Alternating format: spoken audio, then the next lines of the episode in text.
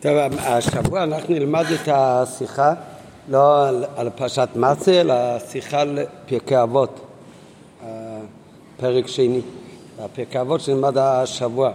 פשוט הרב רייצס עשה שיעור על, ה, על השיחה של פרשת מצה, אז אנחנו נלמד את ה...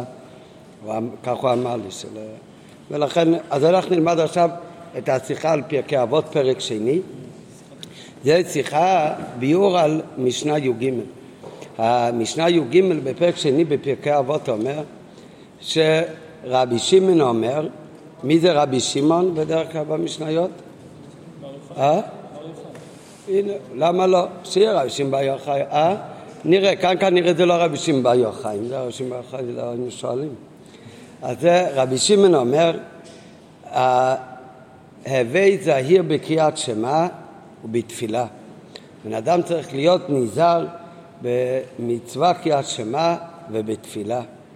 וכשאתה מתפלל, אל תעשה תפילת, תפילתך קבע, אל תעשה את התפילה קבע, אלא רחמים ותחנונים לפני המקום ברוך הוא. שנאמר, כי חנו ורחמו ערך אפיים ורב חסד מניחם על הרעה. ואל תירשע בפני עצמך. הוא אומר כאן שלוש דברים רבי שמעון. דבר ראשון, שצריך להיזהר בקריאת שמע ובתפילה. הדבר השני, כשהוא מתפלל, אז תפילתו לא יהיה קבע, לא תחנונים ורחמים. והדבר השלישי שהוא אומר, שלא תהיה רשע בפני עצמך. לפני שנלמד את השיחה, אז פשוט מה הפירוש הפשוט של ההוראות האלה. כן, דבר ראשון, פירוש הפשוט אמרנו מקודם, מי זה רבי שמעון? אז אתה באמת צודק שבדרך כלל כשכתוב רבי שמעון, זה הכוונה רבי שמעון בר יוחאי. אבל כאן, הרי המשנה הזו בפרקבו בפרק שני, באה בהמשך כמה משניות קודם, זה הרי הולך לסדר הדורות. בפרק ראשון כל סדר הזוגות, מי קיבל ממי. אחר פרק שני זה התנאים, הדורות של התנאים. אז אומרת המשנה שרבי יוחנן בן זכאי היה לו חמישה תלמידים, היה לו הרבה, הרבה מעבר, חמישה תלמידים מיוחדים. אז, והוא מנה גם את שבחן, נכון. ומי זה רבי יוחנן בן זכאי? חמישה תלמידים היו לו לרבי יוחנן בן זכאי, כך כתוב במשנה ח'. רבי יוחנן בן זכאי היה חמישה תלמידים מיוחדים, ואלו הם רבי אליעזר בן הוקנוס, רבי ישוע בן חנניה, רבי יוסי הכהן, נזכור אותו, נגיע אליו גם בהמשך השיחה, רבי יוסי הכהן, ורבי שמעון בן נתנאל, ורבי אליעזר בן ארוך, והוא היה מונה שבחן. שואל אותה. אחרי שהוא מונה שבחן של כל אלה, אז אחר כך הוא אומר להם גם תראו מה המעלה של כל אחד, ואחר כך הם אמרו, מה, מי זה הם אמרו? תלמידים של אה, רבי יוחנן בן זכאי. הם אמרו שלושה דברים. רבי אליעזר אומר, זה אחד מהתלמידים, מי כבוד חברך וכולי. אחר כך על משנה י"א, רבי יהושע אומר וכולי. משנה י"ב, רבי יצי אומר וכולי. מי זה רבי יצי במשנה י"ב? רבי יצי הכהן מהחמישה תלמידים. משנה י"ג, רבי שמעון אומר. מי זה רבי שמעון אומר? רבי שמעון בן סנדל, הוא הרי הולך לפי הסדר. רבי יחם בן זכאי היה לו חמישה תלמידים.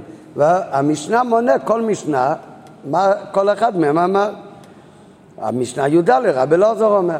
לא, אז המשנה רבי שמעון אומר, אז זה דבר ראשון בפשטות, הרי מביא בהערות, זאת אומרת יש כאלה שאומרים זה רבי שמעון פירוש הפשוט בוודאי, בהמשך למשניות הקודמות. המשנה אומרת, רבי יחם בן זכאי היה לו חמישה תלמידים, הם אמרו, והמשנה אומרת, משנה אחת אומרת מה אומר מה, מה אומר רבי אליעזר, משנה שנייה מה אומר רבי ישוע, משנה שלישית מה אומר רבי יסי, הרביעית מה אומר רבי שמעון, רבי שמעון בן נתנאל, והמשנה האחרונה רבי אלעזר אומר. אז זה חמישה תלמידים, רבי יוחנן זכאי. אז כאן זה לא רבי שמעון בר יוחאי בפשטות, כאן זה רבי שמעון בן נתנאל. אף על פי שבאמת במשנה כאן כתוב רק המילה רבי שמעון, לא כתוב כמו שכתוב במשנה ח' חמישה תלמידים היו לו, אז כאן כתוב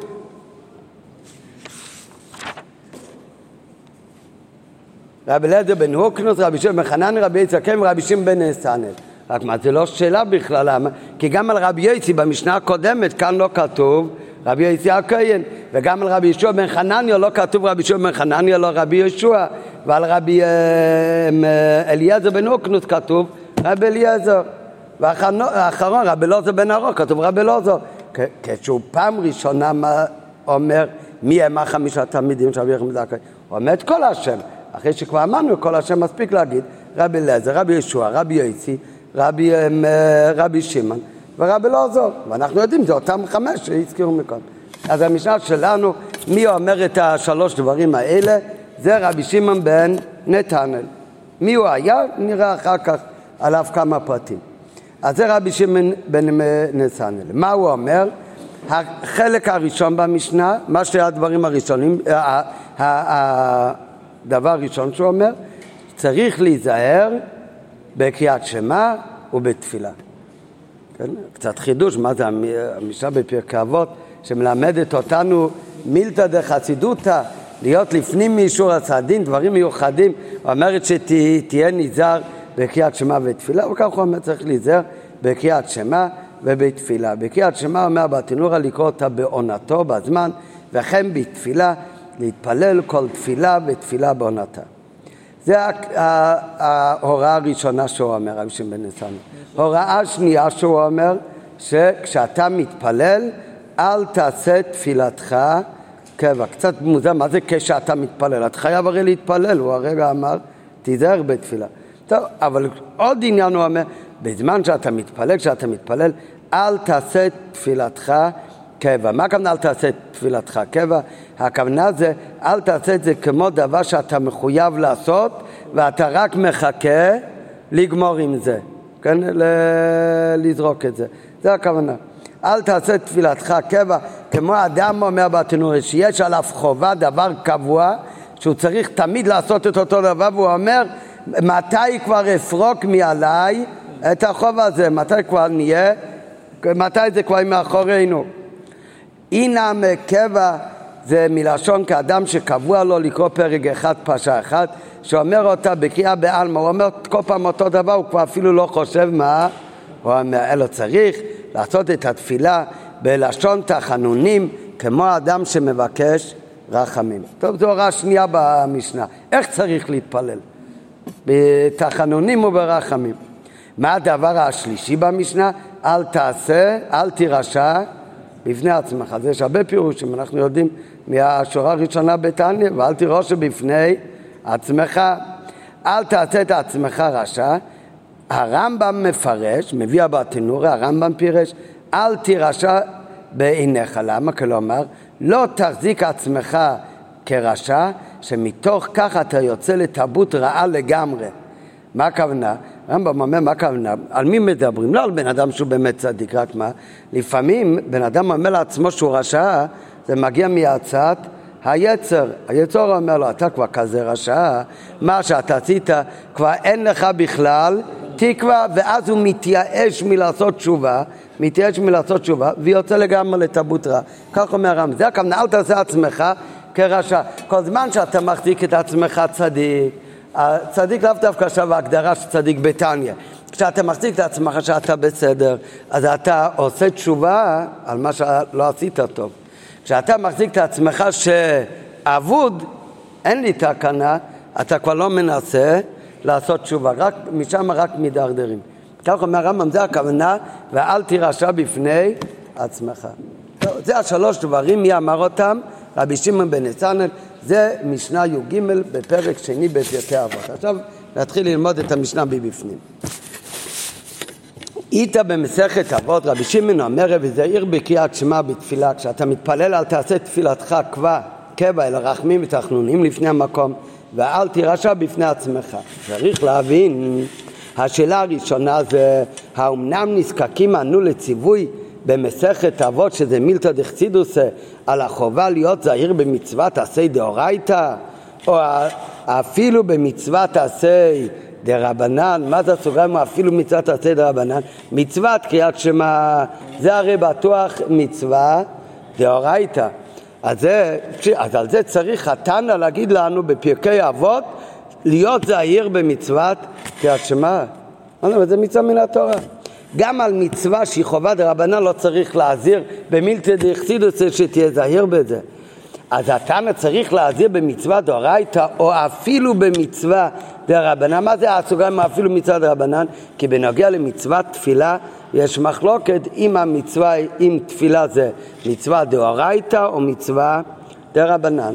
האדמו"ר הזקן באמת בתניא בסוף באיגרת כותב שמי שאומר שתפילה זה רק דרבנן לא ראה אור מימיו, מה זאת אומרת? זה בוודאי מדאורייתא. האמת, אבל שזה לא כל כך פשוט, כי גם אור בעצמו, אז זה לא ברור שתפילה דאורייתא, מה זאת אומרת? כל מי שכבר למד בשולחן ערוך, להלכה עצם העניין להתפלל זה באמת דאורייתא.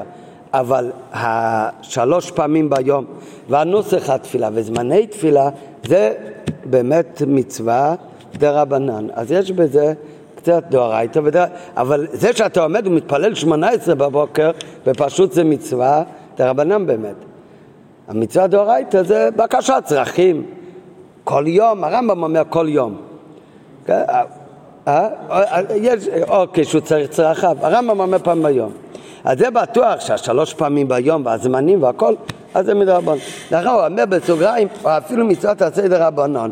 אז על זה הוא מביא בהערה חמש, הסוגריים זה לפי הדעות שמצוות תפילה היא דרבנן, שזה הרמב"ן אומר, בהשגותיו לסייפה המצוות. כי הרמב"ם אומר שבאמת תפילה זה דאורייתא, רק גם מה שהרמב"ם אומר שתפילה דאורייתא, מדבר על עצם המושג של תפילה.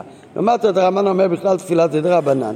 וכן דעת רוב הפוסקים שזה דרבנן כך כתוב במוגן אברום וראי לקוטי תורה אבל ראי תניא ואברי תניא ומכתב האדמו"ר הזקן לרב אברום אולי זה מסקלוב ואין כאן מקומו ששם משמע שתפילה אבל אמרנו כבר שזה לא חד משמעית, כי יכול להיות שתפילה זה גם דאורייתא וגם דרבנן, שעצם המושג תפילה זה דאורייתא, אבל בטוח שיש דעות גם שאומרים שכל מושג להתפלל זה מצווה דרבנן. כן. אה? לא, יש אומרים שבכלל תפילה דרבנן. טוב, אבל לענייננו זה לא כל כך משמעותי אם זה... זה משמעותי, אבל לשאלה זה לא כל כך משמעותי אם זה דאורייתא או דרבנן. כי גם על מצווה דאורייתא ואפילו מצווה דרבנן, אז לא חייבים להזהיר בפרקי אבות לבן אדם, תהיה זהיר, לא אומרים תהיה זהיר בתפילין, ולא אומרים תיזהר מאוד לא לאכול בשר עוף בחלב. כן? כי מי שלומד פרקי אבות הוא כבר נזהר במצוות דאורייתא ומדרבנן. אז מה זה תהיה זהיר בקריאת שמע ובתפילה? לא, לא, הוא אומר במפורש, למטה בהערה חמש של הסוגריים. או אפילו במצוות הסדר רבנן, אז הוא אומר לה, הדעות שמצוות תפילה היא דרבנן. כי יש באמת דעות שאומרים שגם תפילה דאורייתא, אז זה עוד יותר קשה. כן. מה, מה אתה משאיר הגרסות במשנה? יש שתי גרסות והערה שתיים, שיש שתי גרסות. נכון. לא, לאו דווקא יש את התפילה. לא, על זה הוא אומר שגם בתפילה עצמה יש אומרים דאורייתא ויש אומרים דרבנן. ב', נכון. ועל דרך זה קשה בבבא שלי, זה אה, קשה על, על החלק הראשון מהמשנה. מה בכלל אומרים לנו בפרקי אבות תהיה זהיר בקישמי ותפילה. השאלה השנייה זה, על דרך זה קשה, הבאה בשנייה, כשאתה מתפלל אל תעשה תפילתך קבע, אלא רחמים ותחנונים לפני המקום. מה החידוש כאן? על המשנה המפורשת בפרקי אבות. הרי הדבר הזה, שיהודי כשהוא מתפלל לא אמור לעשות את זה באופן של קבע, כאילו שהוא מחכה רק להשליך את זה מעליו, אלא לעמוד בתחנונים לפני המקום, אז זה הרי אומרת המשנה במפורש במסכת ברכות, העושה תפילתו קבע, אין תפילתו תחנונים, שמי שעושה תפילתו כמו קבע, כמו שאמרנו מקודם, שהיה פירושים בקבע, אז זה לא תחנונים, זה לא תפילה רצויה. אז למה צריך לחזור על זה בפרקי אבות? ג', מה השייכות בכלל? להוראה השלישית, אל תירשע בפני עצמך. שמה הכוונה בפשוט אל תירשע בפני עצמך, שלא ישיב את עצמו לרשע, כי על ידי זה שיחשיב את עצמו לרשע, יתייאש מלעשות תשובה ולא ימנע עצמו מלעשות עוד עבירה. ו... מה בכלל ההוראה הזאת? אז אה, הוא אומר, התוכן של ההוראה בפשטות זה שבן אדם יחזיק את עצמו רשע, כמו שאמרנו, הוא לא יעשה תשובה והוא לא יימנע מלאכתו בעוד דברים. אבל מה זה קשור לשתי החלקים הראשונים במשנה. זה שהוא אומר תהיה זהיר בקריאת שמע ותפילה, מה שרק לא יהיה הפירוש.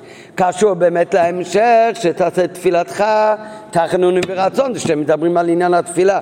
אבל איך נכנס לכאן, מה הקשר לעניין השלישי של אל תחזיק עצמך רשע.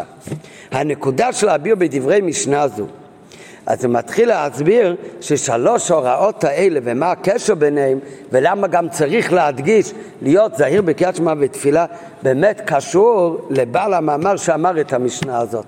אם אנחנו נדע מי אמר את המשנה, נבין באמת שאולי דבר שנראה לנו פשוט ומובן מאליו, שכל אחד צריך להיזהר בקריאת שמע ותפילה. בשביל רבי שמעון צריך באמת להזהיר על זה. למה באמת? שלוש הוראות של המשנה מיוסדים על כך שבעל המאמר רבי שמעון בן נסנל, רבי שמעון בן נסנל הוא מביא כאן שזה בפשטות אותו רבי שמעון שמדברים כאן במשנה שלנו, הרי הייתה תורתו אומנותו בדוגמת רבי שמעון בר יוחאי. הגמרא אומרת על רבי שמעון בר יוחאי שהיה תורתו אומנותו, מה כמנה תורתו אומנותו? שכל עסקו היה אך ורק בלימוד התורה. לא רק שהוא היה בתוך המערה, שכשהיה בתוך המערה אז בוודאי שלא התעסק בשום עניין בענייני העולם, אלא רק בלימוד התורה, אלא גם כשהוא היה מחוץ למערה, רבי שמבה יוחאי, והגמרא אומרת רשב"י וחבריו אפילו, היו תורתם אומנותם. מה כאן אומנותם? בפשוט, פירוש הפשוט זה, זה היה כל העיסוק שלהם. כן? הם כל הזמן ישבו ולמדו תורה. לא התעסקו בשום דבר אחר. בעיקר רבי שמעון. רבי שמעון וחבריו. על מי אומרת את זה הגמרא? הגמרא אומרת את זה על רבי שמעון בר יוחאי, שהיה תורתו אומנותו. למה הגמרא, איפה אומרת את זה הגמרא?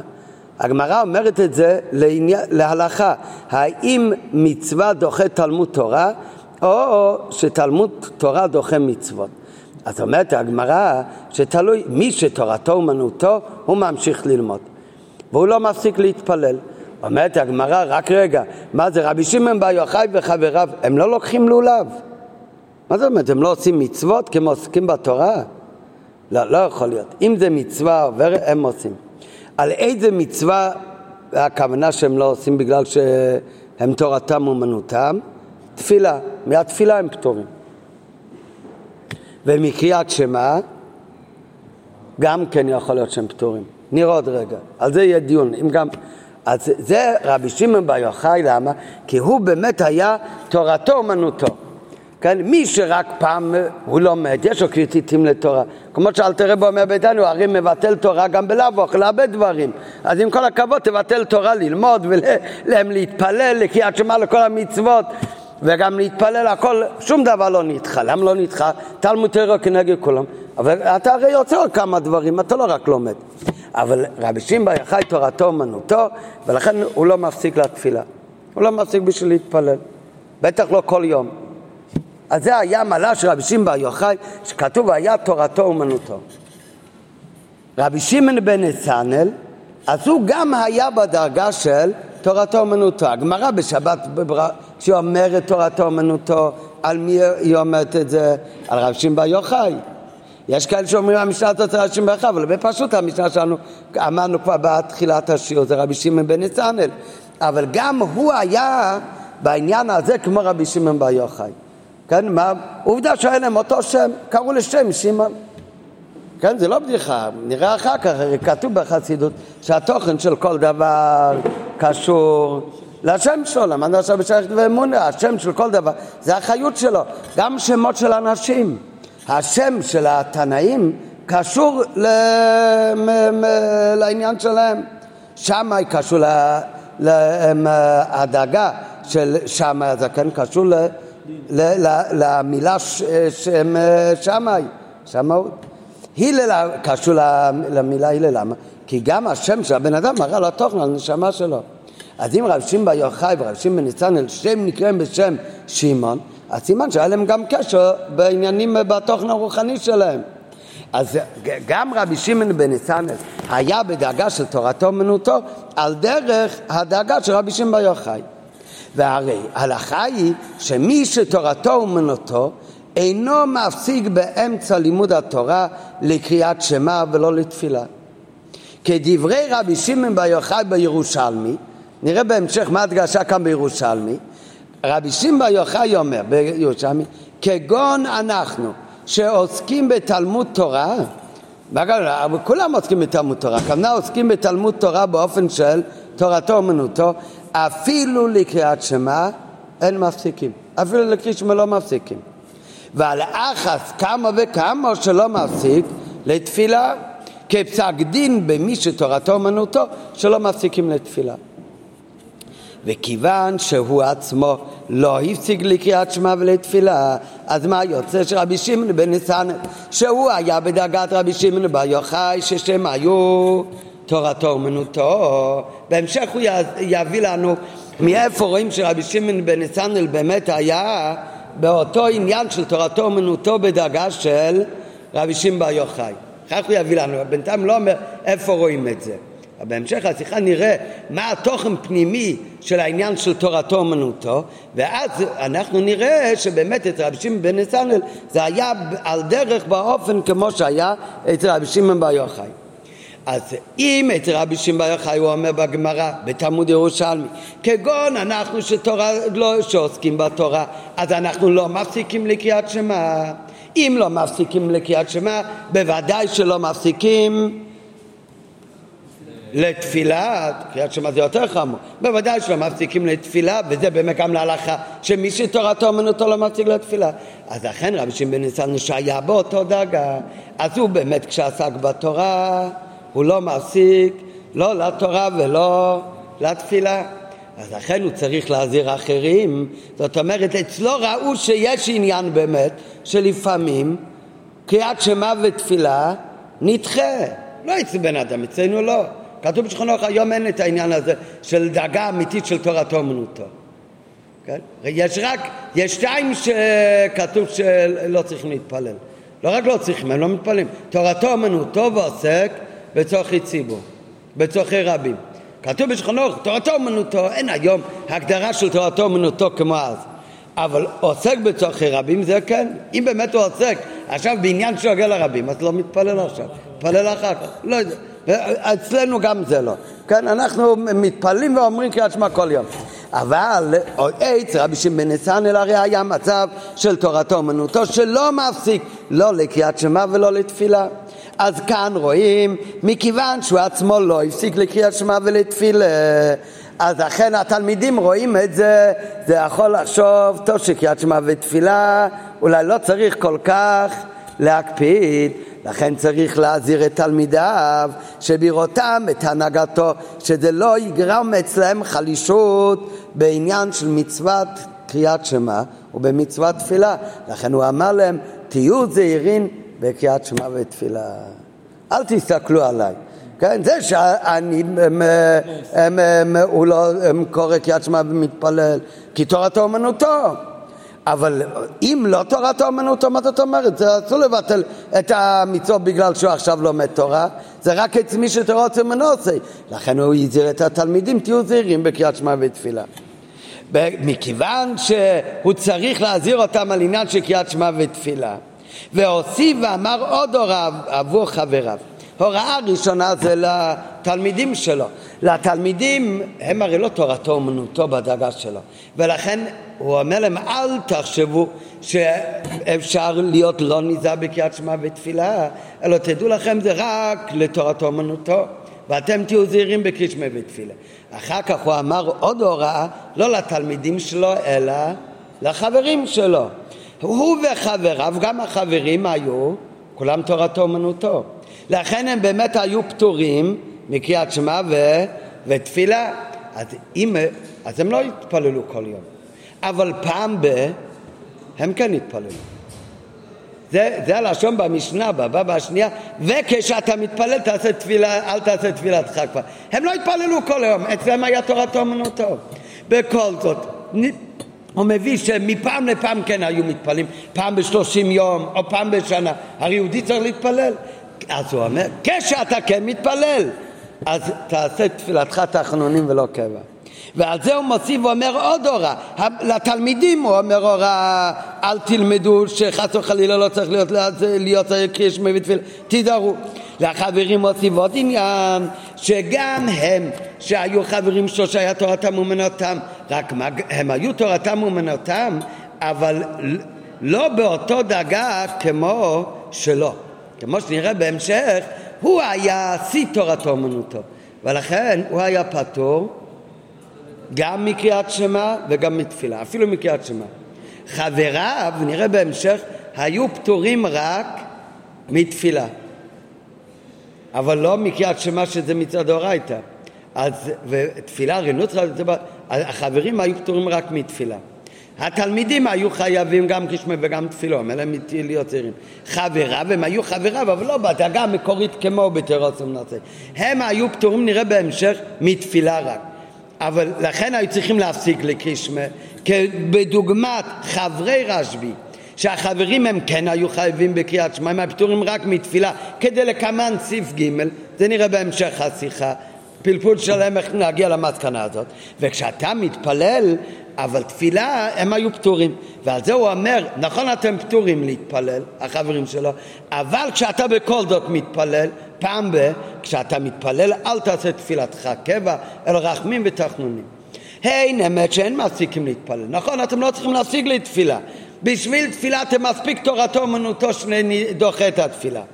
אבל כשאתה מתפלל, באותם זמנים שהם כן עומדים להתפלל, על, כשאת, הם, אה, כידוע שאלו שתורתם אומנותם, שבאמת פטורים מתפילה, וזה גם בהלכה כתוב הם פטורים מתפילה, הרי מתפללים גם הם מזמן לזמן.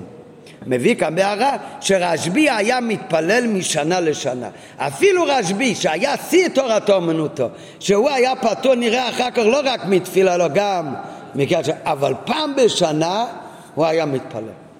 אפילו שפטור. אז על זה אומר רבי שמעון בן נסנל, שאפילו אלה שפטורים מהתפילה, אבל כשהם בכל זאת מתפללים, פעם ב... אז לא תהיה תפילה באופן של קבע. היינו שבשעת מעשה הוא חושב מתי יפרק מעל, אפרוק מעלי עול זה מה צריך להגיד בפרקי אבות? שבן אדם לא מתפלל מתי יפרוק מעלי עול זה בשביל מה? לרוץ לאכול? זה לא צריך להגיד בפרקי אבות הרי על מי הוא מדבר כאן? על מי שתורתו אומנותו, הוא פטור. מתפילה. הוא מתפלל פעם, ב... פעם בשלושים יום, או פעם ב... ב... לא יודע כמה זמן. אז כשהוא מתפלל, שלא יעשה תפילתו כיוון שלא יחשוב מתי הוא כבר יכול לפרוק או לחזור ללמוד את הגמרא. אז על זה אומרים, כשאתה מתפלל אתה צריך לעשות תפילת תחנונים. לא ת... שלא יחשוב מתי יפרוג מעלי עול זה, הוא מצפה לזמן שיכול לחזור ללמוד, ללימוד התורה שלו. אלא בזמן התפילה, כשהוא כן מתפלל פעם ב... אז זה צריך להיות רבים ותחנונים. על דרך זה זה גם הוראה שלישית, שהוא אומר ואל תירשע בפני עצמך, גם זה קשור למעלה של רבי שמעון במנסיה שהיה תורתו אומנותו ולכן דווקא הוא היה צריך להגיד בדור שלו שאל תירשע בפני עצמך כדי לקמן סעיף י' אבל לזה, ההסבר בזה נלמד רק בסוף השיחה. טוב, בהקדמה. לפני שממשיך להסביר ומה בכלל המקור לו, מה שרבי שמעון בן, בן סנל היה בדאגה של בתורתו אומנותו כמו רשב"י, זה לא כתוב. הגמרא על, על תורתו אומנותו, שפטור מן התפילה או אפילו מה, מהקריאת שמע, על מי זה כתוב? על רבי שמעון בר יוחאי. זה שאותו דבר היה אצל רבי שמעון בן נסנל זה חידוש כאן, בליקוטי שיחות חלק י"ז. גם מאיפה לוקחים את זה? אז כדי אבל להגיע לזה, אז הרב מקדים מקודם, שלכאורה כל ההסבר שאמרנו מקודם, גם אם רבי שמעון במנסיה היה כמו רבי שמעון בר יוחאי, יש שאלה גדולה על כל ההסבר ההוא. מה השאלה? שכשאנחנו מסתכלים בגמרא, כתוב דבר אחד שנדחה במי שתורתו אומנותו. איזה דבר? רק תפילה. קריאת שמע לא כתוב בכלל בגמרא שמי שתורתו אומנותו פטור מתפילה, אין כזה דבר בכלל. גם לא בהלכה, לא כתוב בגמרא. המקור היחיד שכתוב שמי שתורתו אומנותו הוא לא מפסיק לא לתפילה וגם לא לקריאת שמע, זה בכלל בתלמוד ירושלמי, זה בכלל לא בבבלי. יש לנו כלל, כשיש מחלוקת בין בבלי וירושלמי, איך הלכה? הלכה היא כמו בבלי. הכל, כל הביור, מה שלמדנו עכשיו. למה רבי שמעון בן מנסיה צריך להגיד להם תהיו זהירים בקריאת שמע ובתפילה? כי מכיוון שהוא בעצמו הרי היה פטור מקריאת שמע ותפילה. למה? כי היה תורתו אומנותו, אז הוא צריך להגיד לתלמידים, אתם כן צריכים להיות זהירים בקריאת שמע ותפילה. מה זאת אומרת? לפי הבבלי, גם מי שתורתו אומנותו, שיעזיר אותם שיתפללו, כי הוא פטור מתפילה, אבל הוא לא פטור מקריאת שמע בכלל. על זה מגיע כאן הרבה להסביר שאפשר לתווך בין הבבלי וירושלמי שלא יהיה סתירה. שאנחנו יכולים להגיד שמה שהבבלי אומר, שרשב"י היה פטור, הוא אומר על עצמו שהוא פטור לא רק מתפילה אלא מקריאת שמע, לבין מה שכתוב בבבלי שהוא פטור מתפילה זה לא סותר. למה זה לא סותר? כי אנחנו יכולים לומר שהיה בזה גוף השתי דרגות. יש את הדאגה של תורתו אומנותו בשיא השלמות שלה, זה היה אצל רבי שמעון בר יוחאי בעצמו. הלשון בגמרא הוא רשב"י וחבריו. את החברים של רבי שמעון בר יוחאי הקרובים אליו גם היה תורתו אומנותו, אבל אצלהם לא הייתה דאגה של תורתו אומנותו כמו בדאגה של רשב"י בעצמו. ולכן היה, אולי זה ההבדל. ואז צריך, לא צריך להגיד שיש כאן מחלוקת בין הירושלמי לבין, לבין הבבלי. למה? הירושלמי מה מדבר על רשב"י בעצמו. שרשב"י בעצמו, כגון אני, נכון כתוב שם אנחנו, והוא וחברו, נכון. אבל אולי הכוונה זה אנחנו, כל מי שבדאגה ממש כמוהו. אז על זה אומר ירושלמי פטור מקריאת שמע אפילו. בתלמוד ירוש... בבבלי, אז שם כתוב שהם פטורים מתפילה רק, לא מקריאת שמע, כי זה מדבר על רשב"י וחבריו. החברים של רשב"י הם היו גם תורתו אבל לא בדאגה שלו. אז הם, זה הלימוד תורה שלהם דוחה תפילה ולא קריאת שמע. סתם כך זה קשה לומר. בשתי המקומות כתוב רשב"י וכתוב גם רשב"י וחבריו.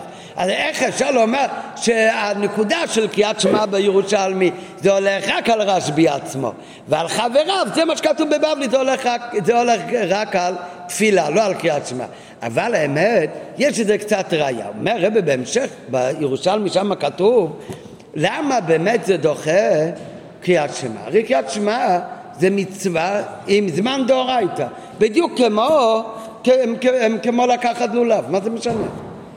כן, מה זה, רב שמעון בר הוא פטור גם ממצוות לולב? פטור לשבת בסוכה? מה זה אומר, פטור מתרג מיתוס קילומטר תורה? אז מה, מה שעונה קריאת שמע זה גם מצווה. מה עונה על, על זה הגמרא? אומר ירושלמי שקריאת שמע שונה. למה קריאת שמע שונה? הרי בבבלי לא כתוב על קריאת שמע, זה הכל בירושלמי, ששם כתוב שהוא פטור גם מקריאת שמע. כתוב למה קריאת שמע שונה? מצווה של תלמוד תורה זה לדבר בדברי תורה, ללמוד תורה. מה זה קריאת שמע? מאיפה לומדים מצווה קריאת שמע? מהפסוק בתור, ודיברתו בום בשביל רבי וסורת. אומר ירושלמי, זה שינון וזה שינון. זה שינון, זה נקרא לימוד תורה, אתה אומר דברי תורה, וזה שינון וזה נקרא לימוד תורה. נו, אז אתה באמצע ללמוד תורה, אז מה, אתה צריך עכשיו להפסיק כדי להגיד פרשה אחרת בתורה? כלומר, למה כשאתה לומד תורה אתה צריך להפסיק? פשוט מאוד, אתה הרי לא תורתו אומנותו. מדברים רק מי שבדאגת לימוד תורה כמו רשב"י, אז הוא, הוא הרי בכל זאת עוסק בתורה. איה לולב הוא צריך להפסיק, בסדר, לולב זה עניין אחר, זה מצווה עוברת. קריאת שמע זה גם מצווה עוברת, נכון, אבל זה מצווה שהיא גם כן לדבר בדברי תורה. שואל, שואל על זה הירושלמי, מה זאת אומרת? הרי כתוב שבן אדם קורא קריאת שמע, לשון הוא שעד מתי אפשר לקרוא קריאת שמע? אה? מתי זה יוצא זמן קריאת שמע? אה? עד תשע ורבע, אבל לא כתוב ככה, כתוב עד שלוש שעות ביום, עד שעה רביעית. מכאן ואילך, מי שלא קרא עד אז קריאת שמע, והוא קורא אחר כך קריאת שמע. מה לא שומע? מכאן ואילך, הרי זה כקורא בתורה. אז זה כמו כל אחד שקורא בתורה כמה פסוקים. אז מה אתה מבין מזה? שכשהוא קורא קריאת שמע בזמנה, אז זה לא סתם קורא בתורה, אלא יש בזה עניין, מעלה נוספת. אז איך אפשר להגיד שרב שמעון בר יוחאי פטור מקריאת שמע? למה? כי זה שינון וזה שינון. הרי אומרים על קריאת שמע, אם אתה קורא קריאת שמע בזמנו קיימת מצווה, אחרי זמן הרי זה קורא בתורה. סימן שלפני זה, זה יותר. זה כן, אבל זה יותר מסתם קורא בתורה. אז איך אתה אומר את זה? ש... עונה הגמרא, אה, רבי שמעון בר יוחאי, הוא היה מחודד מאוד. הלימוד תורה שלו היה מאוד מאוד נעלה, מאוד לעומק, נראה גם כן נעלה ברוחניות. ולכן, בגלל שהוא היה מחודד תפי בלימוד תורה, אצלו השינון של לימוד תורה ביותר מהרגיל, אז לכן אצלו באמת השינון של קריאת שמע הוא לא יותר. כן, זה מה שעונה הגמרא. אבל את זה הגמרא על מי אומר בירושלמי, אבל על מי אומרים את זה? שהווה מחודד תפי, זה הוא אומר רשב"י. אז מכאן אפשר לדייק, אומר הרבה, שבאמת רבי שמעון בר יוחאי מה שאומר, שהוא פטור מקריאת שמע, זה הולך רק על תורתו אומנותו, בדרגה הכי גבוהה שזה רשב"י בעצמו. חבריו הם גם תורתו אומנותו, אבל כבר לא בדרגה שהם פטורים מקריאת שמע, אלא רק מתפילה. אבל באמת, גם לפי הבבלי, נכון כתוב בבבלי רק שהוא פטור מתפילה ולא קריאת שמע, כי הבבלי מדבר ישר על רשב"י וכל חבריו. אבל זה לא סותר את הירושלמי, וגם הבבלי יכול להסכים עם זה, שרשב"י בעצמו, ועל דרך זה אנחנו נראה שרבי שמעון בן נסנל בעצמו היה בדרגה כזאת של, אה, של תורה אה, לשמו ותורה, אה, תורתו אומנותו, שבאמת הוא היה פטור לא רק מקריאת שמע, לא גם, לא, לא רק מתפילה, לא גם מקריאת שמע. נראה עכשיו בפנים. בהקדמה, לכן אפשר להקשות. על הביאו הנ"ל בדברי רבי שמעון בן נתנאל הבאתיה בקריאת שמע. הרי דעת רשב"י שקריאת שמע אין אנו מפסיקים איפה זה מובא שרשב"י אמר שאנחנו לא מפסיקים אפילו לקריאת שמע זה מובא רק בירושלמי לדעת הבבלי וכך גם הלכה שגם אלו שתורתם אומנותם אפילו כגון רשב"י וחבריו הם במפורש כן צריכים להפסיק לקרוא שמע ורק למה הם לא מפסיקים? רק לתפילה הם לא מפסיקים ועל זה אומר שהסברה בזה, על פי הכלל שיש להשוות בין הבבלי והירושלמי, כל מה אפשר, ואפילו אם זה פירוש של דרך קצת, אבל בכל זאת אפילו אם יש דברים שזה יהיה קצת דחוק, אבל אם אתה יכול לתווך לשדך בין בבלי וירושלמי, עדיף לתווך ביניהם להגיד שהם שממה להגיד שהם חולקים, אז מסתבר למה שגם כאן אין זו פלוגתא בין הבבלי וירושלמי, אלא זה חילוק בין רשב"י עצמו לחבריו. נכון, הלשון במקומות זה רשב"י וחבריו, אבל בירושלים מדברים בעיקר על רשב"י בעצמו. בבבלי, שאומר שקרישמה לא איתך, אלא רק תפילה, זה מדבר רשב"י וחבריו, מה ששווה גם לחברים. והטעם לכך שצבא רשב"י שאין צריך להפסיק לקרישמה, הוא לפי, אומר הירושלמי, כי זה שינון וזה שינון. שתיים זה ואין מבטלין שינון מפני שינון, הוא כהמשך דיבר הירושלמי לתירוץ אחד. רק על זה, זה הוא לא מביא כאן בשיחה. אבל מיד שואלת על זה הגמרא, מה זאת אומרת? זה שינון וזה שינון? הרי אם אומרים מי שקורא קריאת שמע אחרי הזמן זה כמו קורא בתורה. סימן שבקריאת שמע בזמן זה שינון יותר טוב. ועל זה אומרת הגמרא רבי שמעון בן יוחאי על ידי שהיה חודית בדברי תרא, לפי כוח אינו חביב או לא פחיש מייצא מדברי תרא. אז לכן אצל רשב"י שהלימוד תורה היה עוד יותר נעלה, אז אצלו באמת לא היה חביבות יתרה של השינון של קריאת שמע. ועל פי זה אפשר לומר שהעמלה הזאת של לימוד תורה באופן כזה נעלה, עוד יותר אפילו מקריאת שמע, ולכן אפילו קריאת שמע נדחה בפני תורת אומנותו. זה היה רק מעלתו של רבי שמעון בעצמו.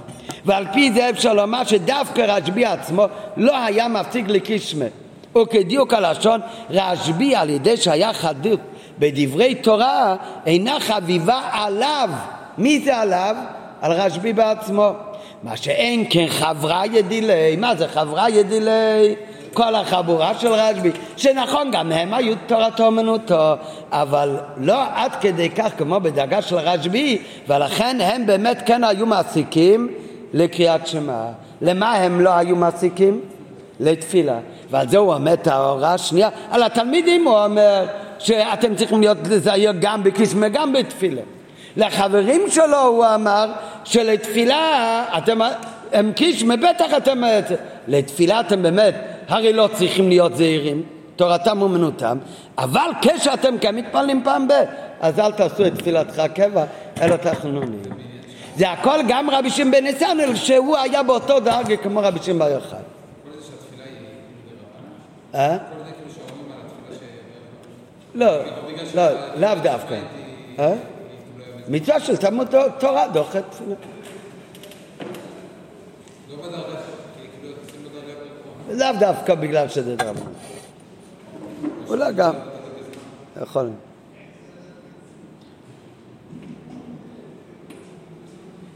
על דרך זה, אה, בנוגע לרשב"י גופה, יש לומר שזה החילוק בין קודם שהייתו במראה בין אחרי יציאתו.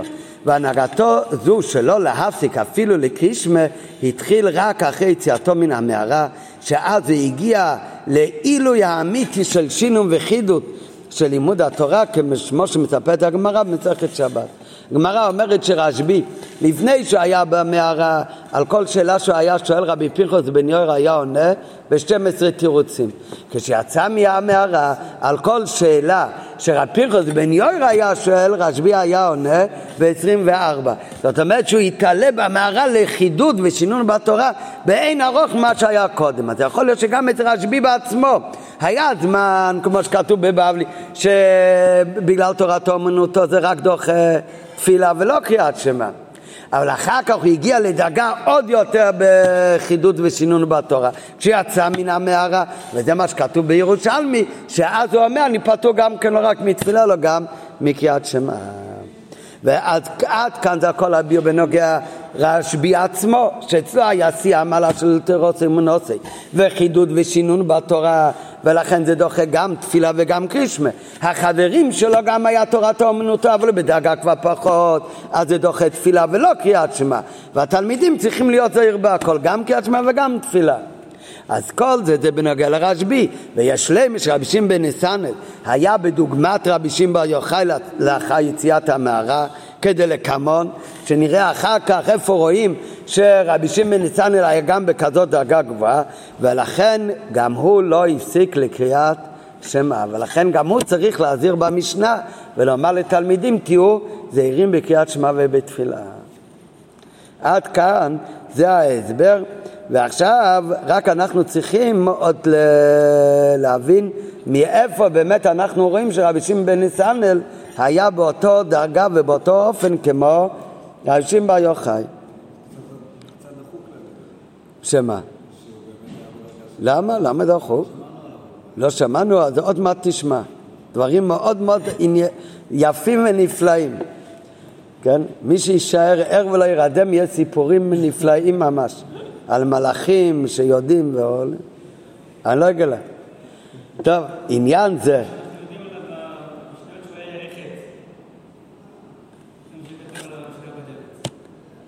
בפרק שלנו, נכון, כן, כן.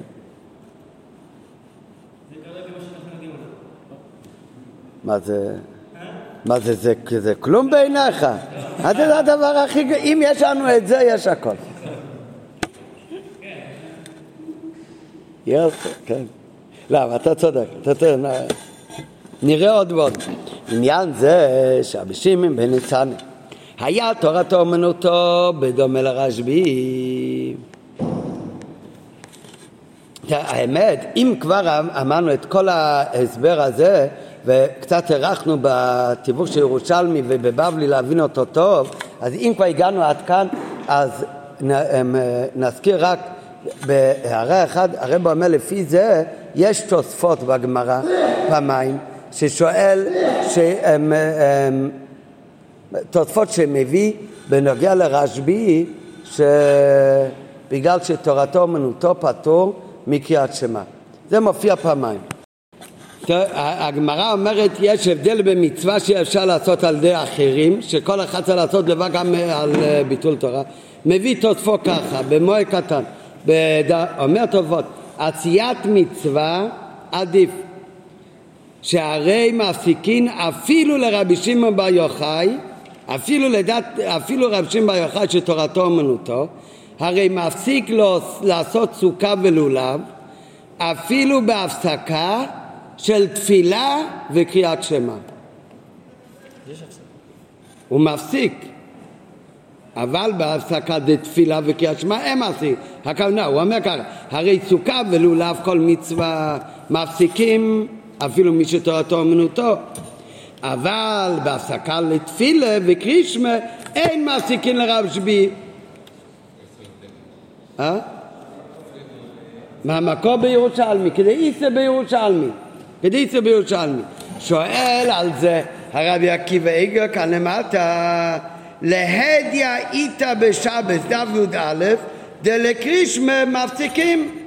איך תוספות הוא מצטט כאן בציאה פשוט שרשב"י לא מפסיק לא לתפילה ולא לקריאת שמע כך תוספות מצטט כאן בגמרא בירושלמי בבבלי אומר רבי קיבגה כאן למטה גילי שואל שלוש מילים הרי להדיא איתא בשבת. כתוב במפורש בגמרא אצלנו שלקריאת שמע כן מפסיקים. אז מה, מה, מה מביא כאן תוספות שמהירושלמי שרשב"י לא מפסיק לקריאת שמע? לפי מה שלמדנו בסביבה הקודם, אז זה בכלל לא שאלה. השאלה של רבי עקיבא זה עכשיו מתורץ נפלא. התוספות אומר שקרישמה אין מעסיקין לרבי שמעון בר יוחאי רשב"י עצמו, גם לפי הבבלי לא מפסיק לקריאת שמע. מה שכתוב בשבת לקריאת שמע כן מפסיקין, זה רק לחבריו. אז זה, עכשיו זה מובן מצוין.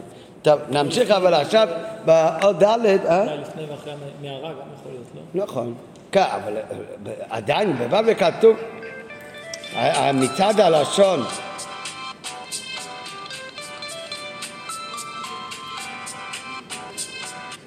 מצד הלשון שאין מפסיקים, או כן מפסיקים, אז זה, אה, לפי זה זה לכתחילה לא מתחיל כל השאלה. באמת רשב"י בעצמו, הוא אפילו לקריאת שמע לא מפסיק. מה שכתוב במפורש בגמרא, שלקרישמה מפסיקים ולתפילה לא מפסיקים, זה הולך לחברה. אבל עכשיו, המשך השיחה, זה לא כל כך עכשיו, אה, אה, נחזור גם בפנימיות מה זה תורתו אומנותו, גם בנוגע לקריאת שמע ותפילה. אבל קודם, עכשיו אנחנו צריכים ללמוד איפה אנחנו רואים שרבי שמעון בן נצנאל היה בדרגה של תורתו אומנותו כמו רשב"י. עניין זה, בוא דל, עניין זה שרבי שמעון בן נצנאל הייתה תורתו אומנותו בדומה לרשב"י, ושזוהי הנקודה התיכונה בכל שלוש הוראות במשנה זו, מרומז בכך. דבר ראשון, הוא עוד לא מביא איפה רואים שיש, שרב שמעון נתנאל היה בדרגה של רשב"י? הדבר ראשון, שבמשנה, שאומר רבי שמעון, איך הוא נקרא במשנה? כתוב רבי שמעון. נכון, מי זה באמת, איזה רבי שמעון זה רבי שמעון נתנאל? אבל לא כתוב רבי שמעון נתנאל, אולי זה בא לרמז לך שזה מצד המעלה שלו כרבי שמעון. מדברים על שמעון נתנאל, אבל זה לא היה רבי שמעון נתנאל, אלא זה מצד הצד השובד של רבי שמעון עם עוד רבי שמעון. נכון, בפשטות, אתה צודק, אתה צודק. בפשטות לא כתוב בנתנאל, כי כתוב כבר במשנה החטא. חמישה תלמידים היו לו רבי שמעון נתנאל. בדיוק כמו ברבי יצי הכהן, לא כתוב רבי יצי הכהן עוד הפעם, אלא רק רבי יצי. כן? נכון. אבל בכל זאת, בכל זאת, עצם הדבר ששמעון נתן הייתה תורתו אומנותו, אז מרומז בכך שמסדר המשנה לא הזכיר כאן את שם אביו של בעל המים. היינו רבי שמעון נתנאל, בשמו המלא כרגיל, אלו נקד רבי שמעון סתם. עכשיו, טל אומר, מה זאת אומרת? גם כתוב רבי יוסי סתם, גם על רבי אלעזר כתוב רב אלעזר סתם, לא כתוב רב אלעזר בן ארוך. יש קצת הבדל, למה? רב, רב אלעזר בן ארוך, בדרך כלל במשנה הוא נקרא רב אלעזר. רבי יצי הכהן בדרך כלל במשנה הוא נקרא רבי יצי סתם. רבי שמעון בן נסנל, בדרך כלל במשנה איך הוא נקרא? רבי שמעון בן נסנל, כי אם כתוב רבי שמעון סתם בדרך כלל מי זה? רבי שמעון בר יוחאי. לכן כאן הדגשה זה, מה שלא כתוב כאן רבי שמעון נסנל, שזה שמו המלא כרגיל, מה כמובן כרגיל? כי במשנה רגילה כשכתוב רבי שמעון סתם, זה באמת לא רבי שמעון נסנל, זה רשב"י. אלא הוא נוקד רבי שמעון סתם, ושהרי בדרך כלל סתם רבי שמעון זה רבי שמעון בר יוחאי, אז נכון אצלנו זה לא ככה, כי זה הרי בא בהמשך לחמישות תלמידים מועיל רבי יוחנן בן זכאי, שאחד מהם זה רבי שמעון בן נתנאל, אבל בזה אף על פי שבפשט לא צריכה המשנה לציין זו בפירוש, שהרי משנה זו באה בהמשך למשנה עשר קודמו בפרק זה, שבהם נמנו חמישה תלמידים של רבי יוחנן בן זכאי, ביניהם גם רבי שמעון בן ניסן, ולאחרי זו אומרת המשנה, הם אמרו שלושה דברים, ומתחיל למנות מה שכל אחד מהתלמידים שלו אמר, מזה כל אחד יכול להבין שרבי שמעון כאן זה רבי שמעון בן ניסן, אז מובן מאליו שזה רבי שמעון בן ניסן, מכל מקום, מכיוון שכל עניין בתורה הוא מדויק ובכל זאת השם הרגיל שלו זה לא כמו כל האחרים. אצלו הרי השם הרגיל שלו זה רבי שמעון בן נתנאל ומה עוד שההוראות של רבי שמעון בן נתנאל נשנו במשנה בפני עצמה ולא בהמשך ממש למשנה שהוא הוזכר מקודם. ויש כמה משניות שמבדילות בינה ובין המקום שבו נתפרש שמו ושם אביו וממילא הדבר נותן מקום לטעות אצלם לומד שמשנה זו לבדה שבעל המאמר הוא רשב"י.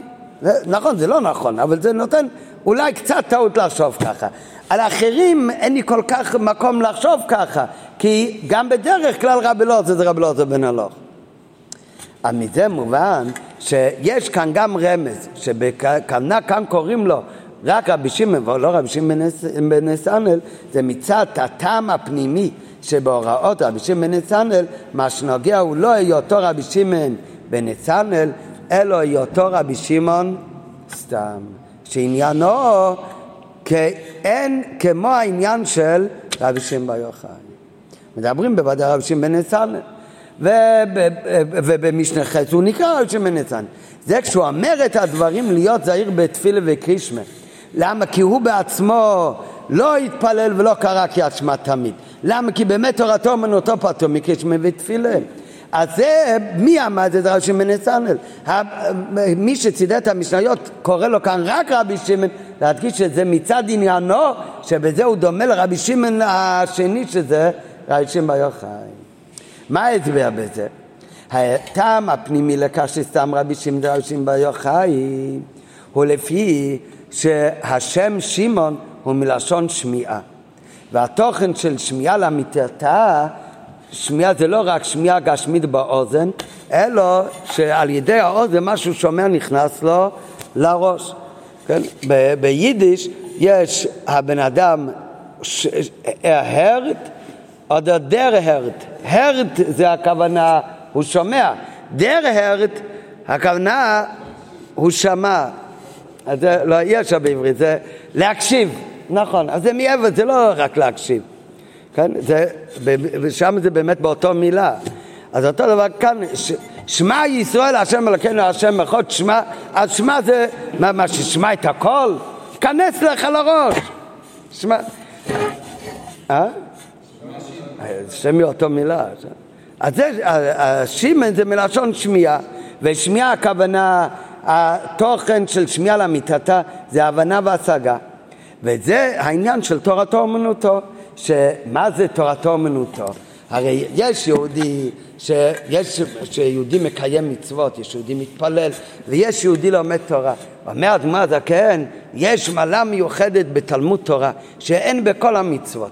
מה המעלה מיוחדת בתלמוד תורה שאין בכל המצוות?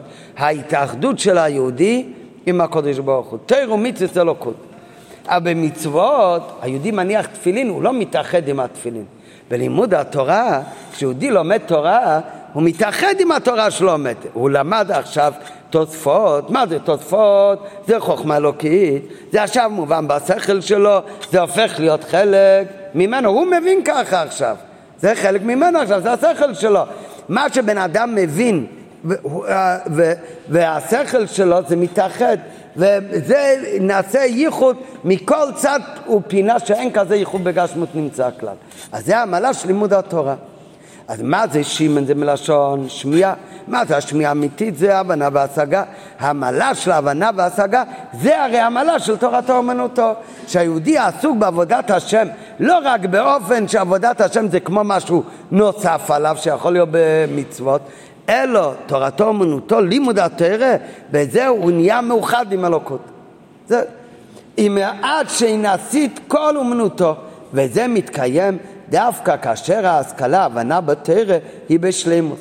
ואז הוא מתאחד עם התורה בלשון התניא, בייחוד נפלא שהניחו כמוהו, להיות לאחדים ומיוחדים ממש מכל צד ופינה. ומזה מובן גם הנוגע לכל בעלי שם זה, כל התנאים שנקראים בשם שמעון, אז מה היה המעלה המיוחדת אצלהם? זה עניין של שמיעה, של הבנה והשגה. מה הכוונה? יש מלא דברים בעבודת השם, אבל מעלתם המיוחדת זה דווקא עניין של לימוד התורה של תירוצי ומנוסי, שכל עניינו, כל אומנותו היה ההתאחדות עם הלקות על ידי לימוד התורה. מזה מובן גם נגד לכל בעלי שם זה, כי ידוע ששמותיהם של ישראל ובפרט אצל כל יהודי השם מראה על התוכן שלו, אבל במיוחד זה כמובן אצל התנאים, אז השמות של התנאים זה מבטא את התוכן ונקודה של העבודה שלהם, שיש בהם בהלם על כל פנים מעין אותו עניין של כולם שיש שם אותו שם.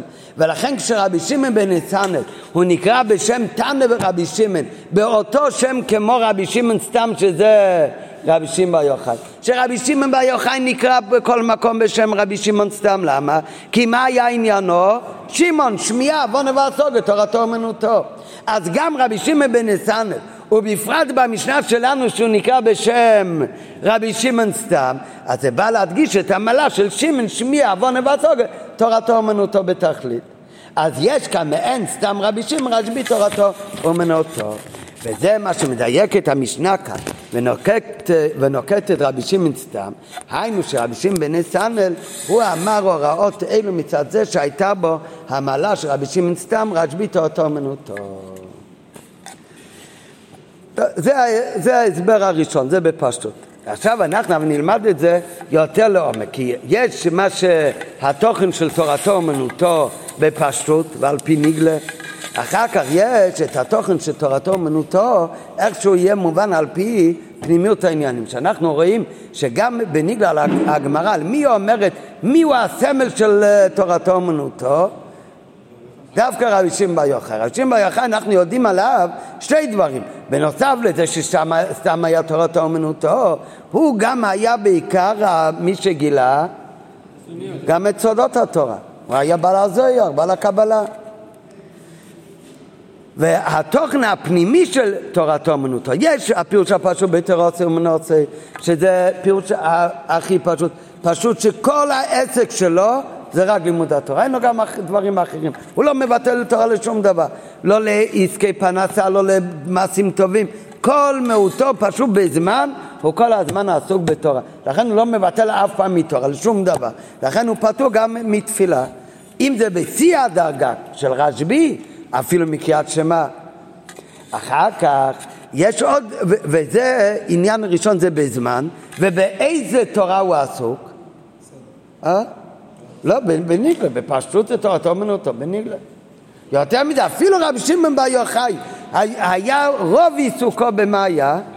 בניגלה. כשהוא היה במערה כל השנים, מה היה רוב עיסוקו? אומרים שם גילה את הזוהר והכל, בזמן. מה רוב הזמן הוא למד? ניגלה, מי אומר? אה? אבל איפה, מה המקור לזה? מי יודע מה הוא למד במערה? אה? זה אני אומר. בזה לא כתוב. מה אור אומר?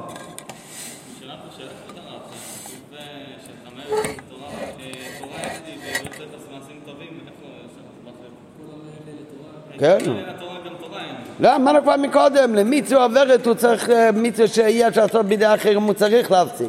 רק תפילה וקריאת שמע. נראה בהמשך גם כן למה דווקא בדברים האלה. טוב, אבל עכשיו בענייננו, מה היה עיקר לימודו של רשב"י? נראה בפנים. גדר תורתו ואמונתו בפשטס הוא עניין שתלוי דבר ראשון בזמן. פשוט ללמוד תורה ללא הרב מבלי להפסיק עבור מאומה, לשום דבר. ב', העניין הזה של תורתו ואמונתו שייך גם בלימוד ניגלה דתרא. הגם הוא בכלל בסוגריים, הוא שייך בניגלה דתרא. כן? אחר כך נראה שהדאגה עוד יותר נעלי בתורה אומנותו, זה דווקא בפנימיות, ולכן זה היה אצל רשב"י. אבל בפשוט זה להתחיל מהפירוש הפשוט, תורתו אומנותו, זה שכל הזמן ללא הרב הוא יושב ולומד תורה, לא מתעסק בעניינים אחרים.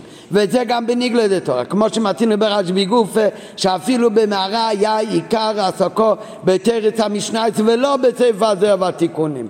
נו, מיד אנחנו יודעים מה הוא עשה בעיקר, המביא כאן זה בתניא, אדמה הזקן אומר במפורש באיגרת הקודש בתניא שאת כל הזוהר והתיקונים הוא היה יכול לעבור תוך קצת זמן. זה לא לוקח 12 שנה, לא לוקח 13 שנה. אז מה הוא עשה כל הזמן במערה? הוא חזר על זה, הוא לא היה שוכח, את זה מהלאום הזה. אצל רשב"י לא שוכח. אז מה הוא עשה? כל הזמן עסק בניגלה. מה, ניגלה אי אפשר לגמור תוך חודש, למה? כי זה היה הרבה יותר גדול, היה להם הרבה יותר מסכתות, דברים שאין לנו היום בכלל. אתה יכול להביא, יש שם מתניה? הלשון באדמה זקן מגלת הקודש, וגם באמת על כוכוך עיקר עסקיהם במערה היה תורת המשנייס ריש סדרי שהויו בימיהם כמה יש לנו? כמה סדרי משנה? שישה. שישה. בימיהם היה שש מאות. עד רבינו הקדוש. ולמה חייבים להגיד שזה היה עיקר עיסוקם? דאילו ספר הזה והתיקונים היה יוכל לגמר בבית וגימל חדושים. ושם שלוש חודשים. ובוודאי לא יעמד דובר אחד בית פעמים. ובוודאי שהוא היה במערה רשב"י והבן שלו לא היה צריך לחזור על דבר פעמיים. סתם מעניין. בסיום בטבע התן יש על זה הערה מעניינת, שמי שרוצה שיבדוק. אז זה דבר ראשון, שעניין של תירוץ אמונות זה עניין שתלוי בזמן שלו כל הזמן, וזה בניגלה, כמו שמצינו גם ברשב"י גוף, אה, שאפילו במערה, שזה היה שיא של תורתו אמונותו, היה עיקר עסקו בתורת המשנה, אבל אף על פי כן, נכון שזה בניגלה ובכל הזמן, אבל אצל מי בלימוד הניגלה זה שיא תורתו אמונותו, בעיקר כשיש בזה גם העניין של פנימות התורה. אבל אף על פי כן, בזוהר כתוב מה פירוש תורתם אומנותם במי שלא זזה שכינתא מן הוין כל יומי הוין. ומי שלא זזה השכינה ממנו כל הימים.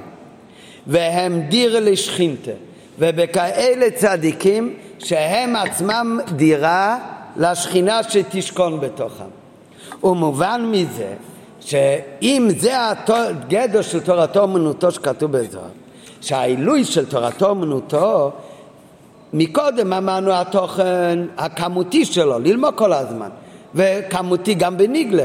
אבל ביחד עם זה, האיכות של העניין של תירוס ומנוסי, על פי מה שכתוב בזוהר, זה שהוא דירה לשכינה, והשכינה לא זזה ממנו לרגע. אצל מי זה? אז זה לא, נכון, כל מי שלומד תורה הוא מתאחד עם ה...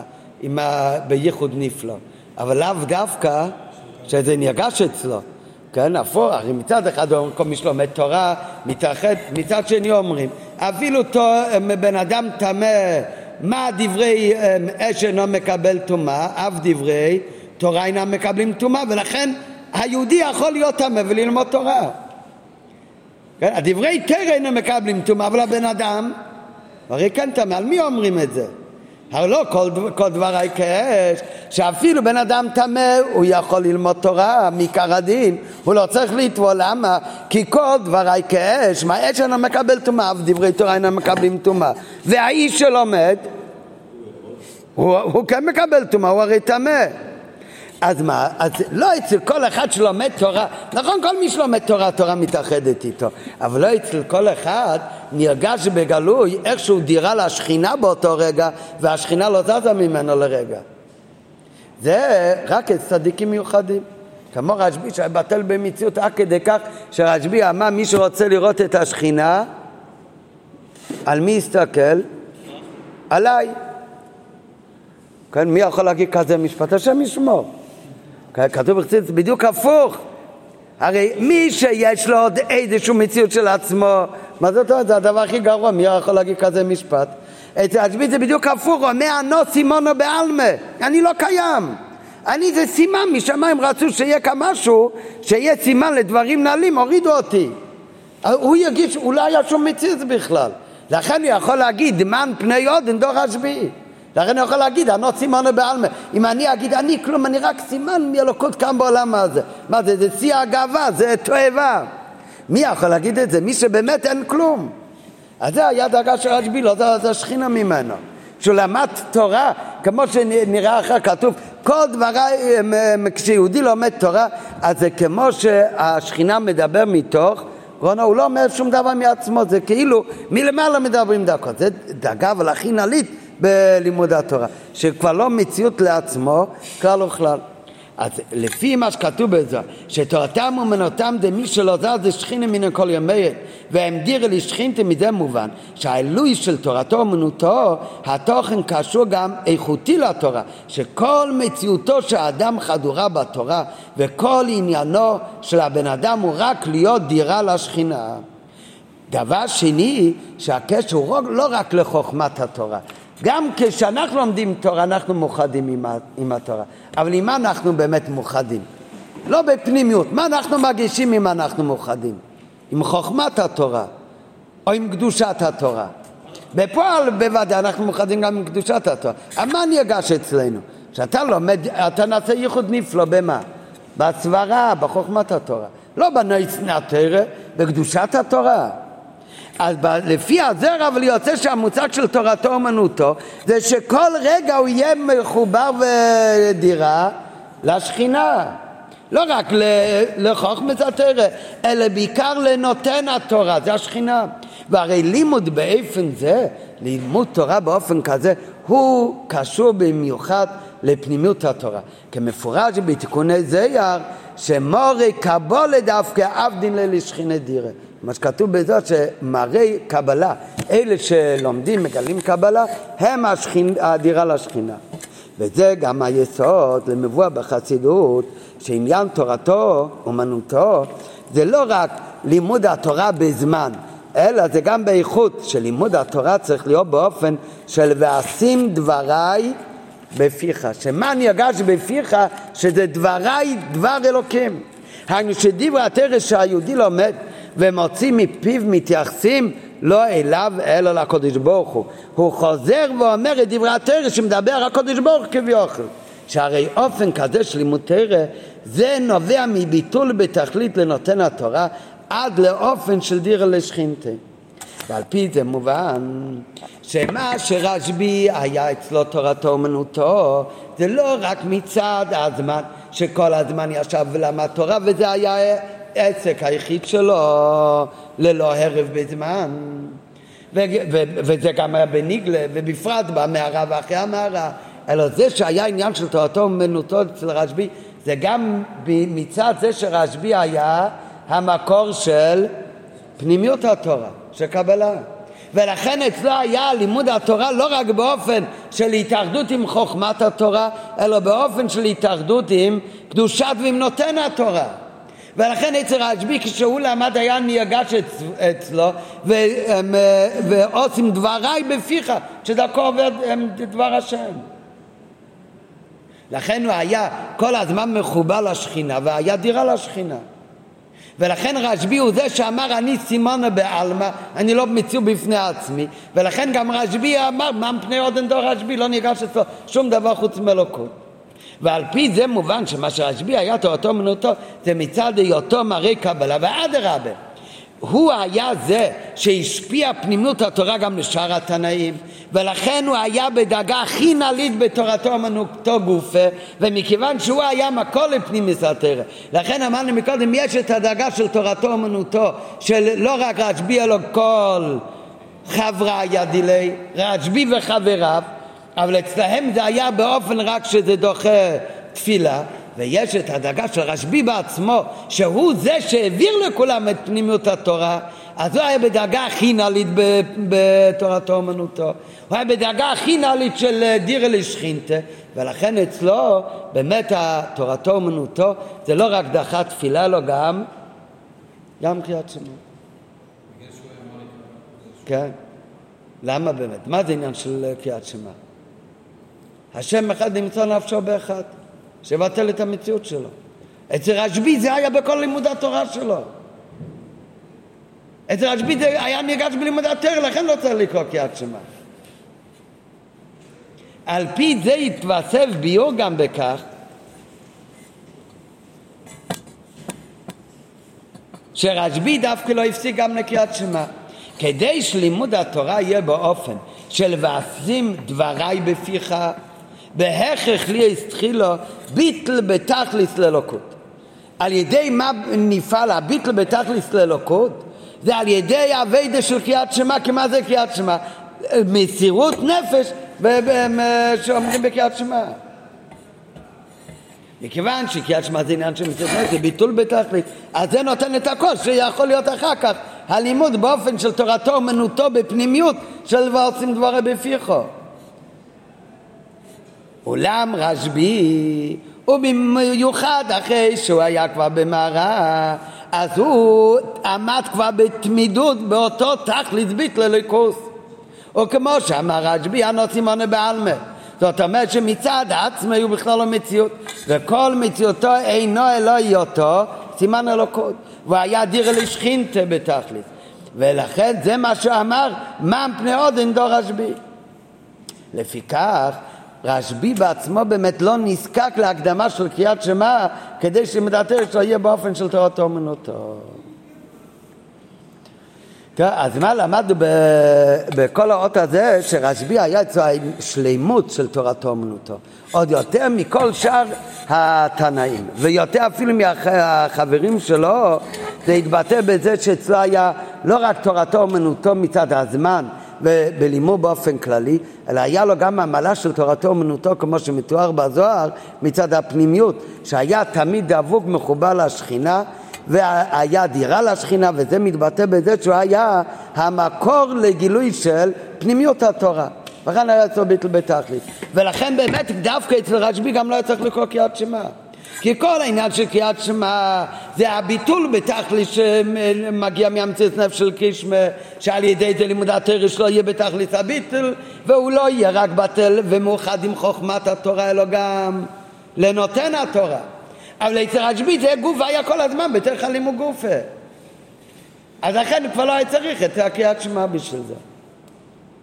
לפי ההסבר הזה אנחנו עכשיו עוד יותר נבין שרבי שמעון בן נתנאל היה גם כן באותו דאגה, באותו עניין כמו רבי שמעון בר יוחאי מצד הגילוי שפנימיות התורה ושלא זזה ממנה השכינה והיה דירה לשכינה. על דרך העניין של אה, רבי שמעון בר יוחאי. לא רק מצד העניין של שמעון, שמעון זה עוון ועסוק זה תורתו אומנותו, אז גם הוא נקרא שמעון, זה גם היה אותו עניין.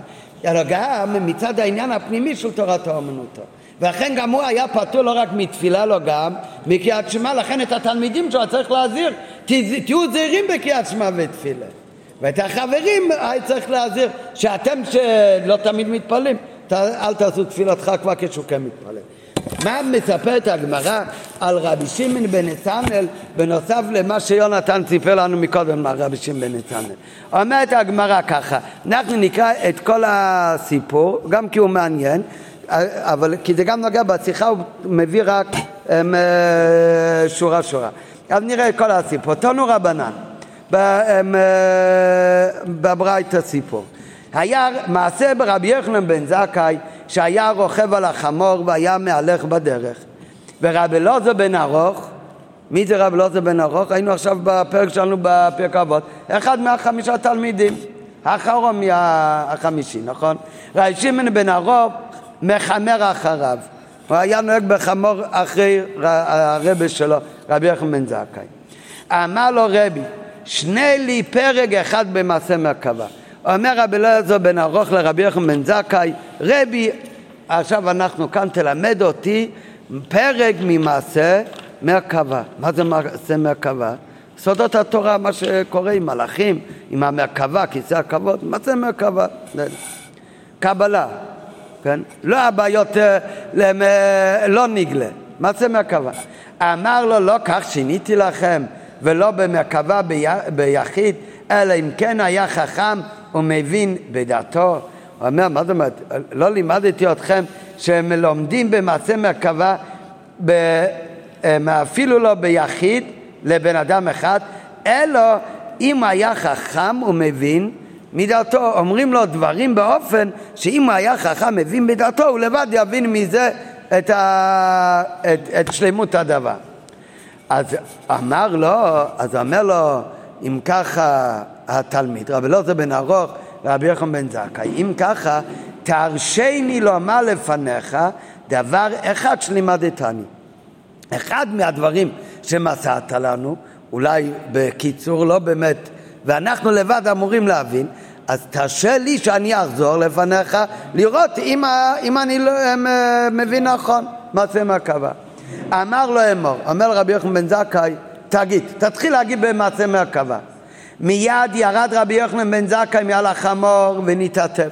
מיד ירד רבי יוחנן בן זכאי מהחמור, לא, לא רוכבים על החמור וככה בדרך מדברים אה, ייחודי, לא ייחודי, תעשה מעשה. יאללה, ירד מה... לא, היום, זה... ו... זה כנראה לא עוד מאמר. אז רבי יוחנן בן זכאי היה מעל החמור ונתעטף וישב על אבן אחת תחת הזית, תחת עץ זית. אמר לו, רבי, מפני מה ירדת מעל החמור? אומר רב לוזר בן ארוך, אני הולך להגיד, אבל למה צריך לרדת מהחמור ולהתעטב? אמר לו, אפשר שאתה דורש מעשה מרכבה? אתה חושב שאתה תדרוש כאן מעשה מרכבה ושכינה עמנו, והשכינה תהיה כאן, ומלאכי השרת מלווים אותנו, ואני ארכב על חמור?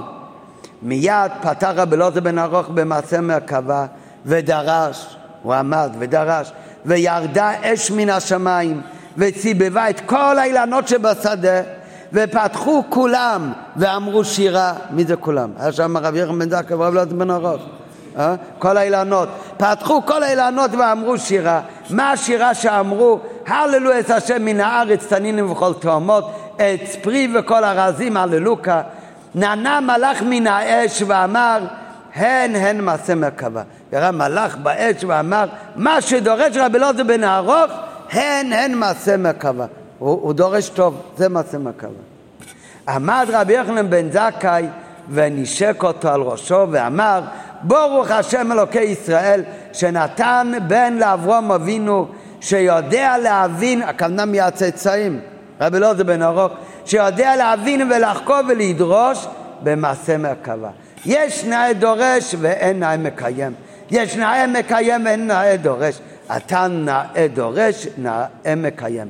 אשריך אברום אבינו שאלעזר בן ארוך יצא מחלציך. סיפור נפלא. ממשיכה הגמרא, כשנאמרו הדברים לפני רבי ישוע. כשרבי ישוע שמע את הסיפור הנפלא הזה, מי היה רבי ישוע? גם אחד מהתלמידים.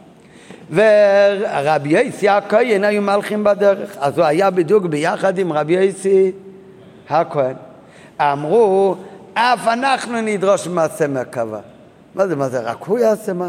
גם אנחנו נדרוש מעשה מרכבה. פתח רבי ישוע ודרש, ואותו יום היה תקופת תמוז, ונתקשרו שמיים בעננים, באבים. היה שיא הקיץ כמו עכשיו, בחודש תמוז, לכן עכשיו אנחנו לומדים את זה, והתחיל לדרוש במעשה מרכבה. והתחיל להיות פתאום עננים, עבים בשמיים. אור, תלך לבדוק עוד רגע מה קורה בחוץ. ונראה כמין קשת בענן, וירה קשת בענן. והיו מלאכי השרת מתקבצים ובאים לשמוע, כי בני אדם שמתקבצים ובאים לראות בדמותי חתם וכלה. והגיעו המלאכים לראות מה, לראות מה קורה שם, כמו שמגיעים אנשים לראות מסקרנות מה קורה כשמצמחים בחתם וכלה. הלך רבי יוסי הכהן וסיפר את הדברים לפני רבי יחנון בן זכאי, לפני הרבה שלם, שהם ישבו, דיברו במעשי מרכבה, יעדו מלאכים משמיים לראות אותם, והיה ענן מעננים באמצע תקופת עמוס. ואמר אשריכם ואשרי יולדתכם. שיבח אותם גם רבי יחמן זכאי. והוא אומר אשרי עיניי שראו בכך.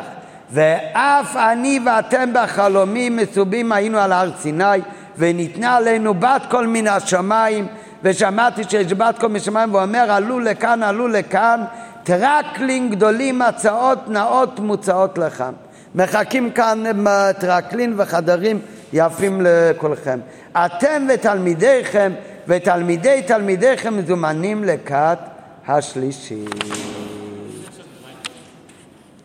אה, למה לא?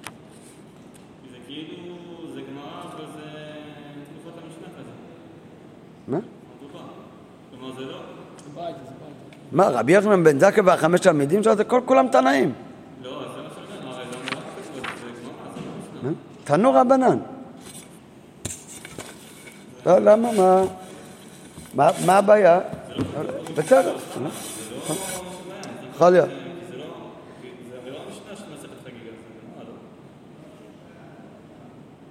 טוב.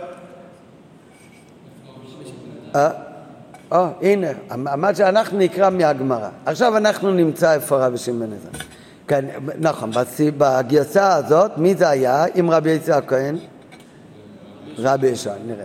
בגמרא מסופר, רבי אלעזר בן ארוך ביקש רשות מרבי יחנן בן זכאי לחזור לפניו דבר אחד שלימדתני במעשה מרכבה. אחרי שפטר רבי אלעזר בן ארוך ודרש, ידע אש מן השמיים וכולי. בהמשך לזה מסופר בגמרא שם, שבשעה שרבי יצי הכהן ורבי שמעון בן נסנאל שמעו על כך, אף הם פתחו במעשה מרכבה. מביא כאן, כן הוא בירושלמי שום, רק בבבלי הגרסה היא שזה היה עם רבי ישוע. טוב, אז אנחנו לומדים עכשיו את הסיפור כמו שכתוב בירושלמי. מכיוון שעל השולחן היה מוכן מהגמרא, אז לא רציתי לשנות מה שכתוב בהגמרא. כאן מביא מהירושלמי שזה היה רבי יצא הכהן ורבי שמעון בן נצנאל. שאפילו שזה היה בתקופת תמוז היה, ורעשה הארץ, ונראתה הקשת בעננים, ויצא בסקל ואמרה וכולי. מה אנחנו רואים מכאן? שגם רבי שמעון בן נתנאל היה ממראי קבלה, שהוא גם היה על דרך הדאגה של רבי שמעון בר יוחאי, ידע לדרוש במעשה, במעשה מהקבלה. גם כל שאר התלמידים.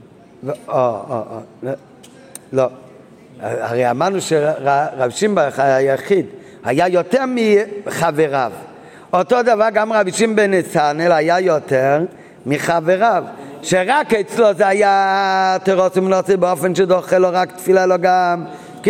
לחבריו, לתלמידיו הוא אומר, רק אמר את האביזורין בקישמה ותפילה. חבריו קישמה אמרו, תפילה לו. לחבריו הוא אומר, אז למה, למה באמת? משמע שרבי שמעון בן נתנאל בסיפור הזה, הוא היה יותר מ... באמת יותר מה... לא, רבי ירמן זה הרבה שלהם, אבל אחר כך, בדור שלהם בדור אחר כך, היה יותר מי היה איתו ביחד, שדרש ביחד איתו רבי, רבי יצחק כהן, או מי עוד דרש? רבי אלעזר בן ארוך. נראה עוד רגע למה. הוא היה באמת יותר מקובל מהם. נכון. בינתיים כאן אנחנו כבר רואים שהוא היה מקובל גדול. הוא דרש במעשה מרכבה ונהיה הם, הם, הם קשת בענן וירדו מלאכים. אז זה מספיק, זה כבר... אבל הוא היה גם יותר מהם. למה באמת? וזאת באופן שדיבורו בענייני מעשה מרכבה פעל, שרעשה הארץ ויצתה בת קול ואמרה וכולי, אנו שדיבור זה המשך את השכינו למטו ומובן מזה שרבי שמעון בן נתנאל היה באופן של דירו לשכינתו כמו שהזוהר כותב שזה הדאגה הגבוהה של תורתו אומנותו. אלא שבין התנאים הנ"ל, בסיפור שקראנו הרגע, יש כמה תנאים בדאגה הזאת, גם רבי אלעזר בן ארוך וגם רבי יציא הכהן. אלא שבין התנאים הנ"ל גופה, מצינו עילוי ברבי שמעון בן נתנאל ומטעם זה היה דווקא הוא יותר משאר החברים שלו, בדוגמת רבי שמעון בר יוחאי ונקרא בשם שמן כנ"ל סעיף ג'. עובדה שדווקא הוא נקרא בשם שמן שאמרנו, שזה מרמז שדווקא הוא היה בדרגה של תורתו אומנותו, באותו אופן כמו רבי שמעון בר יוחאי. למה באמת? רבי אלעזר בן ארוך, מה כתוב? רבי אלעזר בן ארוך, הוא גילה עניינים של סודות התורה של מעשה מרכבה? או שהוא חזר מה שהוא למד מרבי יוחנן בן זכאי. הוא אומר, הוא חזר על מה שהוא שמע מרבו. הוא ביקש מרשות לחזור, והוא חזר באופן שרבי יוחנן בן זכאי אחר שיבח אותו, ואמר אשרי אברום אבינו שיצא ממנו רבי אלעזר בן ארוך. אבל זה, הוא, זה לא היה מכוחו לבד, זה היה מה שהוא חזר, הוא ביקש רשות לחזור מה שהוא שמע מרבו. רבי אלעזר בן ארוך רק חזר בדבריו על עניין של רבי בן זכאי לימדו, לימדתני. ולא עמד דבר שחידש בעצמו. נכון, אולי רבי יוחנן בן זכאי אמר לו את זה באופן שהוא צריך להבין לבד.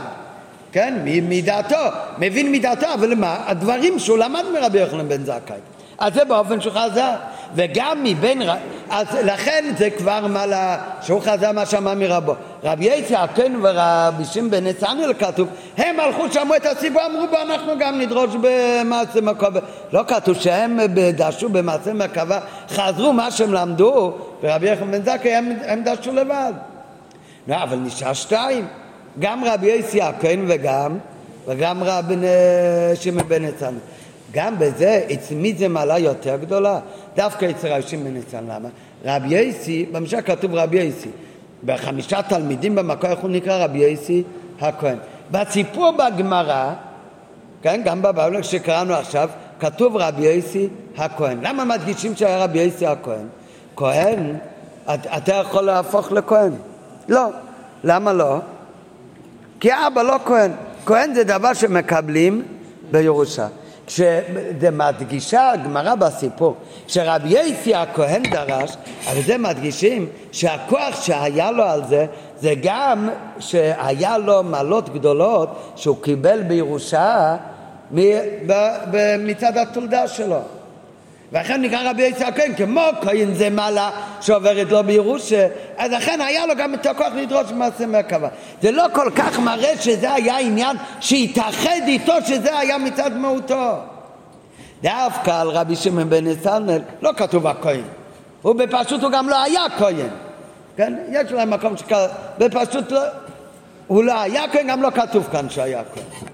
אז אם ככה, והוא גם כן דרש, אז אצלו זה לא עניין שמכיוון בייחוד שלו קיבל בירושה כוחות מיוחדים לזה, אלא זה היה דווקא על ידי העבודה שלו.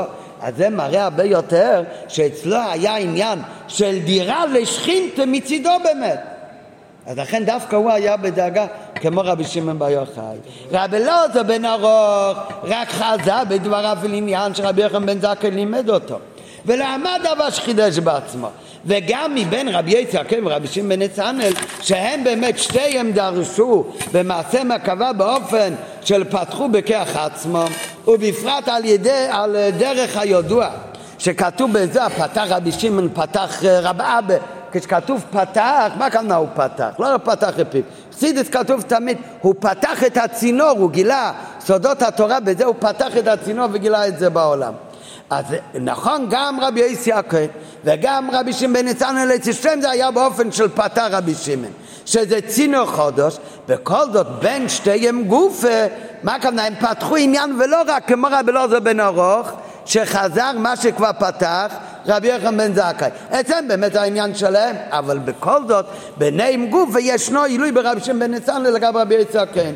כהונה, היות האדם מזומן ומוכן לעמוד לשרת לפני השם כמו שכתוב רבי יצחק הכהן, זה דבר שבא בירושה. ולכן גם מה שהוא פתח במעשה מקובה זה לא עניין של פתח בשלמותו עם, במילואו בכוח עצמו, אלא יש לזה כבר כוח שהוא קיבל בירושה מצד המעלה שלו, עובדה שקוראים לו כאן רבי יצחק הכהן.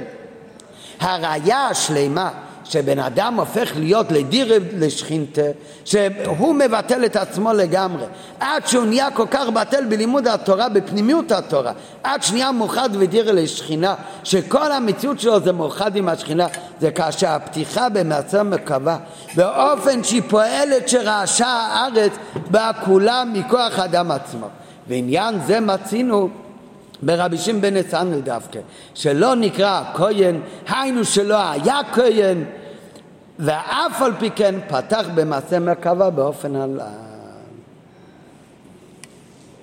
כן? בהערה 65 הוא מביא שיש תוספתא שיש שם סיפור בין רב גמליאל עם יהודי שקראו לו שמעון בן נתנאל הכהן, כתוב שם לכאורה שהוא כן כהן, אבל אומר זה שמעון בן נתנאל, זה לא רבי שמעון בן נתנאל, זה בן אדם אחר שקראו לו כך. הוא מביא גם הוכחה שזה לא מדובר על רבי שמעון בן נתנאל שלנו, בפשטות.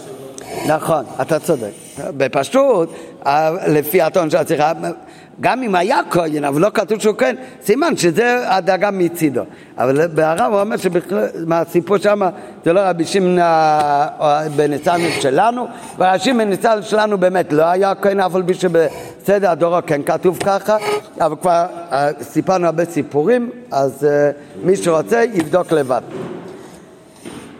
עילוי זה בדרשה של רבי שמעון בן נתנאל מעשה מרכבה ביחס לרבי לוטו בן ארוך מודגש גם בכך שדווקא כשהוא פתח במעשה מרכבה, דווקא אז רעשה הארץ ונראה קשת בענן באופן ניסי, שהרי זה היה בתקופה סתמוס, ואז העננים זה לא דבר רגיל, והנה לכאורה דורש ביום. זה שהיה נראה קשת בענן הגמרא מספרת את זה כחלק מהעניין הניסי שירדו מלאכים מהשמיים והוא גילה מעשה מרכבה וגם היה קשת בענן. סימן שהיה קשת זה עניין למליותה, דבר טוב. זה, זה ב, הולך ביחד עם, ה, עם הבת קול ועם המלאכים שהגיעו לראות כמו זתותך חתם וכלה. לכאורה, לראות קשת זה לא, דווקא דבר, דבר חיובי, הפוך. גמרא אומרת שכל, יש קשת, זה סימן שהיה אמור אולי להיות חורבן בעולם כמו במבול. הקדוש ברוך הוא נשבע שלא יהיה יותר מבול, הוא אמר הקשת זה עוד ברית. אז זה הסימן. ולכן כשיש צדיק בדור, כמו רבי, אה, אה, אה, רבי שועה בן לוי, אומרת הגמרא כל השנים שלא היה נראה קשת בענן. למה? מכיוון היה בדרגה טובה עולם. אז אם ככה, מה כאן, חלק מהסיפור, לא אצל רבי אלעזר בן אוכל, אלא שרבי יצחק, כן, עם רבי שמעון בן נתנאל הם הלכו ודרשו, ורבי שמעון נתנאל הוא פתח במעשה מרכבה, זה היה קשת בענן. זה עניין למליותה? הרי הגמרא אומרת במעלת רבי שמעון בן לוי שלא נראתה הקשת בימיו, שקשת זה פעולה ואות לכך שלא יחרב העולם. ואם יש צדיק גמור בדור, אז לא צריך עוד. מי היה צדיק גמור בדור? רבי יהושע בן לוי, לכן אז לא היה בני קשת. ואם כן, מהו העילוי בכך שעל ידי זה שרבי שמעון ניצן דורש מעצם הכובע, פתאום נראית הקשת. אלא הביאור בזה יש שתי קשת. יש קשת שבאמת כתוב שזה עוד ברית שלא להביא מבול. את זה מתי צריך להראות בשמיים? כשאמור להיות חורבן ולהגיד להם ש... שרק בגלל הקשר, בגלל הברית עוד השבועה שהקודש ברוך הוא אז אה, נשאר. אז כזה קשר, אם יש צדיק כמו רבי שמעון בן לוי, אז באמת זה מגן על כל העולם, אז לא היה קשר. יש עוד סוג קשר. במעשה מהקווה כתוב שהיה מראה החיות והכיסא וכולי וכולי וכולי, ואז כתוב ומראה כמראה הקשר, זה כאילו מראה השכינה. כתוב גם בהלכה שאסור להסתכל לקשת. למה אסור להסתכל לקשת? אדרבה, רואים את הקשת, נזכרים במבול ובשבוע, קצת להתעורר בתשובה. למה אסור להסתכל בקשת? כתוב, אל תראה גם למישהו את הקשת. אם ראו, מברכים. למה לא להסתכל בקשת? כתוב מכיוון, המדרש אומר, הקשת זה דומה לדמות השכינה. כן, כך גם כתוב במעשה מרכבה בנבואה, כמראה הקשת. אז זה, מה, לא בגשמיות בוודאי, אבל איזה עניין רוחני. אז זה קשור לעניין הקשת. הקשת שאנחנו מדברים, שלא היה כל הדור של רבי יהושע בן לוי, זה הקשת הסוג הראשון, זה הקשת השלילי. הקשת שהיה נראה כשדרש רבי שמעון בן נתנאל, זה הקשת השני, זה הקשת של מראה השכינה. בנוגע לקשת מצינו שתי עניינים, זה עוד ברית שלא יהיה עוד מבול, וב' עליה נאמר דבר שהוא מוקש לי, זה דבר ש... מלשון היקש, דבר שהוא דומה לי, היינו שהקשת הושבה לקודש ברוך הוא. ולכן הדין הוא שאסור להסתכל בקשת כי המסתכל בקשת כאילו לא חס על כבוד קונו.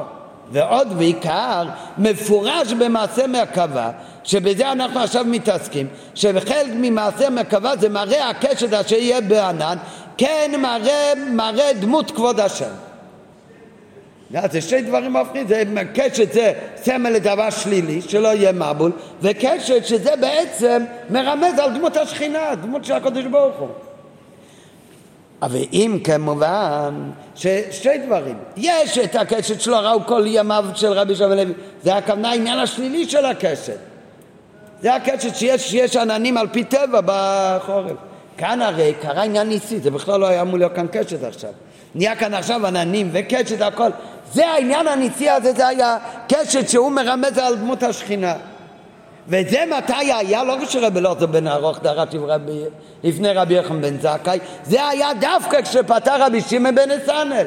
אז זה מראה עוד יותר שדווקא את רבי שמעון בן נתנאל היה עניין של תורתו אומנותו, שהיה אדיר לשכינה ומאוחד לשכינה, באופן הכי נעלה, עד כדי כך שהוא דרש, נהיה גילוי השכינה, נהיה כמראה הקשת.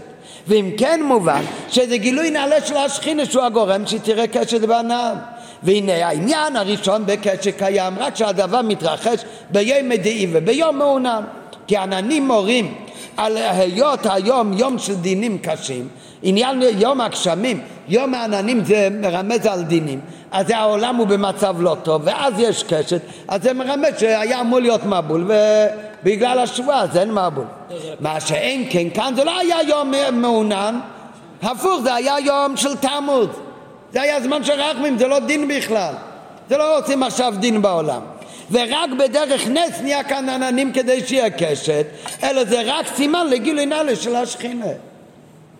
מה שאין כן עננים וקשת שבאים על ידי דרשה במעשה מרכבה, זה לא עוד שבא לשלול דינים, זה עניין של דין, אלא זה סימן לגילוי נעלה של שכינה, ועל פי זה מובן ביתר זה שרבי שמעון בן נתנאל הייתה תורתו אומנותו באופן שהיה דירה לשכינה. טוב, הכל נפלא ממש. מה נשאר לנו? רק מה זה קשור לעניין האחרון. מה זה העניין האחרון? ואל תירשע בפני עצמך. אחד מדבר... אמרנו עכשיו שרבי שמעון נתנאל היה תורתו אומנותו במובן הפשוט של העניין ששתיהם נקראים שימן מלשון שמיעה תורתו אומנותו בזמן בלימוד התורה באותו אופן. אחר כך יותר מזה ששתיהם היה להם את העניין הכי נעלה בתרוסי ומנוסי כמו שהוא מוסבר על פי הזוהר שהיה דבוק בשכינה ומאוחד עם השכינה תמיד. וזה גם ראו אצל רבי שמעון בן נתנאל עד כדי כך שהוא דרש במעשה מרכבה היה גילוי שכינה אז יש עוד צד השווה, מה עוד היה אצל רבי שמעון יוחאי? רבי שמעון יוחאי אומר, יכול אני לפתור את כל העולם מן הדין. מה הכוונה? הכתוב מה, הוא היה יכול להחזיר את כל עם ישראל בתשובה? זה גם יהיה מעלה גדולה. יש לו, זה המעלה שלו זה משהו אחר. שגם אם הם לא חוזרים בתשובה, הוא בגודל הדאגה והצדיקות שלו, הוא יכול להציל אותם מן, מן הדין. שאפילו שהם לא עשו תשובה, הוא יכול להציל אותם מהעונש. ועל דרך זה גם היה אצל רבי שמעון בן נתניה. אז על זה הוא אומר אחד העניינים המותרים, את דאגתו הנלית של רבי שמעון בר יוחאי. זה שהוא אמר על עצמו, יכול אני לפתור את כל העולם כולו מן הדין. וכיוון שעניינו מעלתו של רשב"י בא לידי ביטוי בכך שהייתה תורתו אומנותו מובן שהיכולת לפתור את כל העולם מן הדין.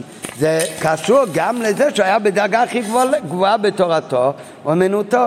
אז אם אנחנו כבר למדנו עד עכשיו שגם רבי שמעון בן נתנאל היה בדרגה הכי גבוהה של תורתו אומנותו על דרך רשב"י אז גם הוא יכול לפתור את כל העולם מן הדין. ומה הכוונה לפתור את כל ה... העולם מן הדין.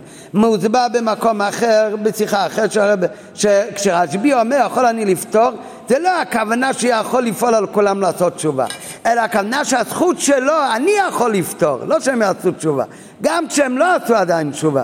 אני יכול לפתור מצד הזכות שלו גדלה כל כך עד שמבלי יאבד על עוונות של הדור הוא יכול לסבול את כל עוונותיהם ופוטרם מן הדין.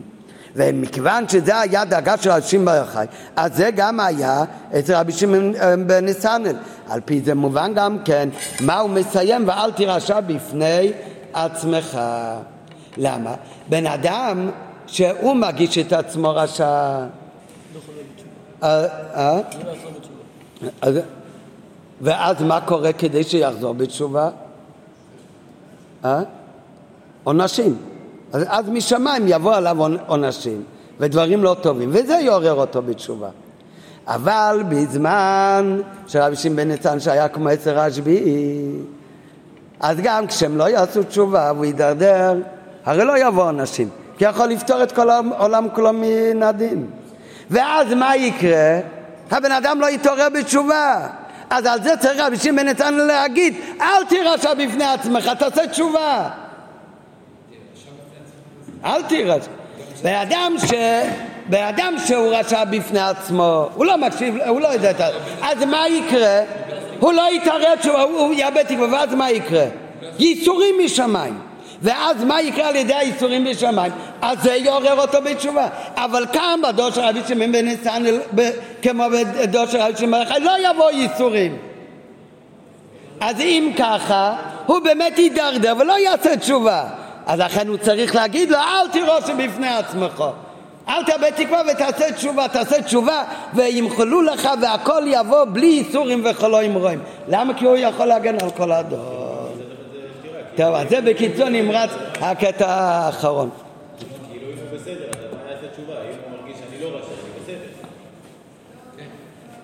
אם הוא אומר הוא רשע, הוא מתייאש, אז הוא כבר לא עושה תשובה. רשע גמור. כן. נכון, אבל מה? אבל, אבל מי, ולכן שלא יהיה ככה, אבל מי הכי היה חשוב לו להגיד לא להיות ככה? דווקא רבי שמעון בן כי בדור האחר זה גם מי שחושב ככה והוא מאבד תקווה, בסוף הוא יעשה תשובה. למה בסוף הוא יעשה תשובה? כי הוא יקבל ייסורים ולאידך ממנו נידך ואיך שהוא יעשה תשובה. אבל בדור של רבי שמעון בן שפוטר את כולם מן הייסורים ומן הדין אז אצלו באמת, אם הוא חושב שהוא רשע גמור, הוא לא יעשה תשובה, ולא יהיה גם מה שעורר אותו. ועל זה צריך להגיד, אל תירוש בפני עצמך, ולכן יש לך תקווה, ובלי איסורים אתה תעשה תשובה. ואת התשובה תעשה לשם כך אין הוא זקוק לבוא לידי איסורים וכולו אלא ביכולתו לעשות תשובה מתוך החווה וחיה מנוחה ושלווה זה העיקר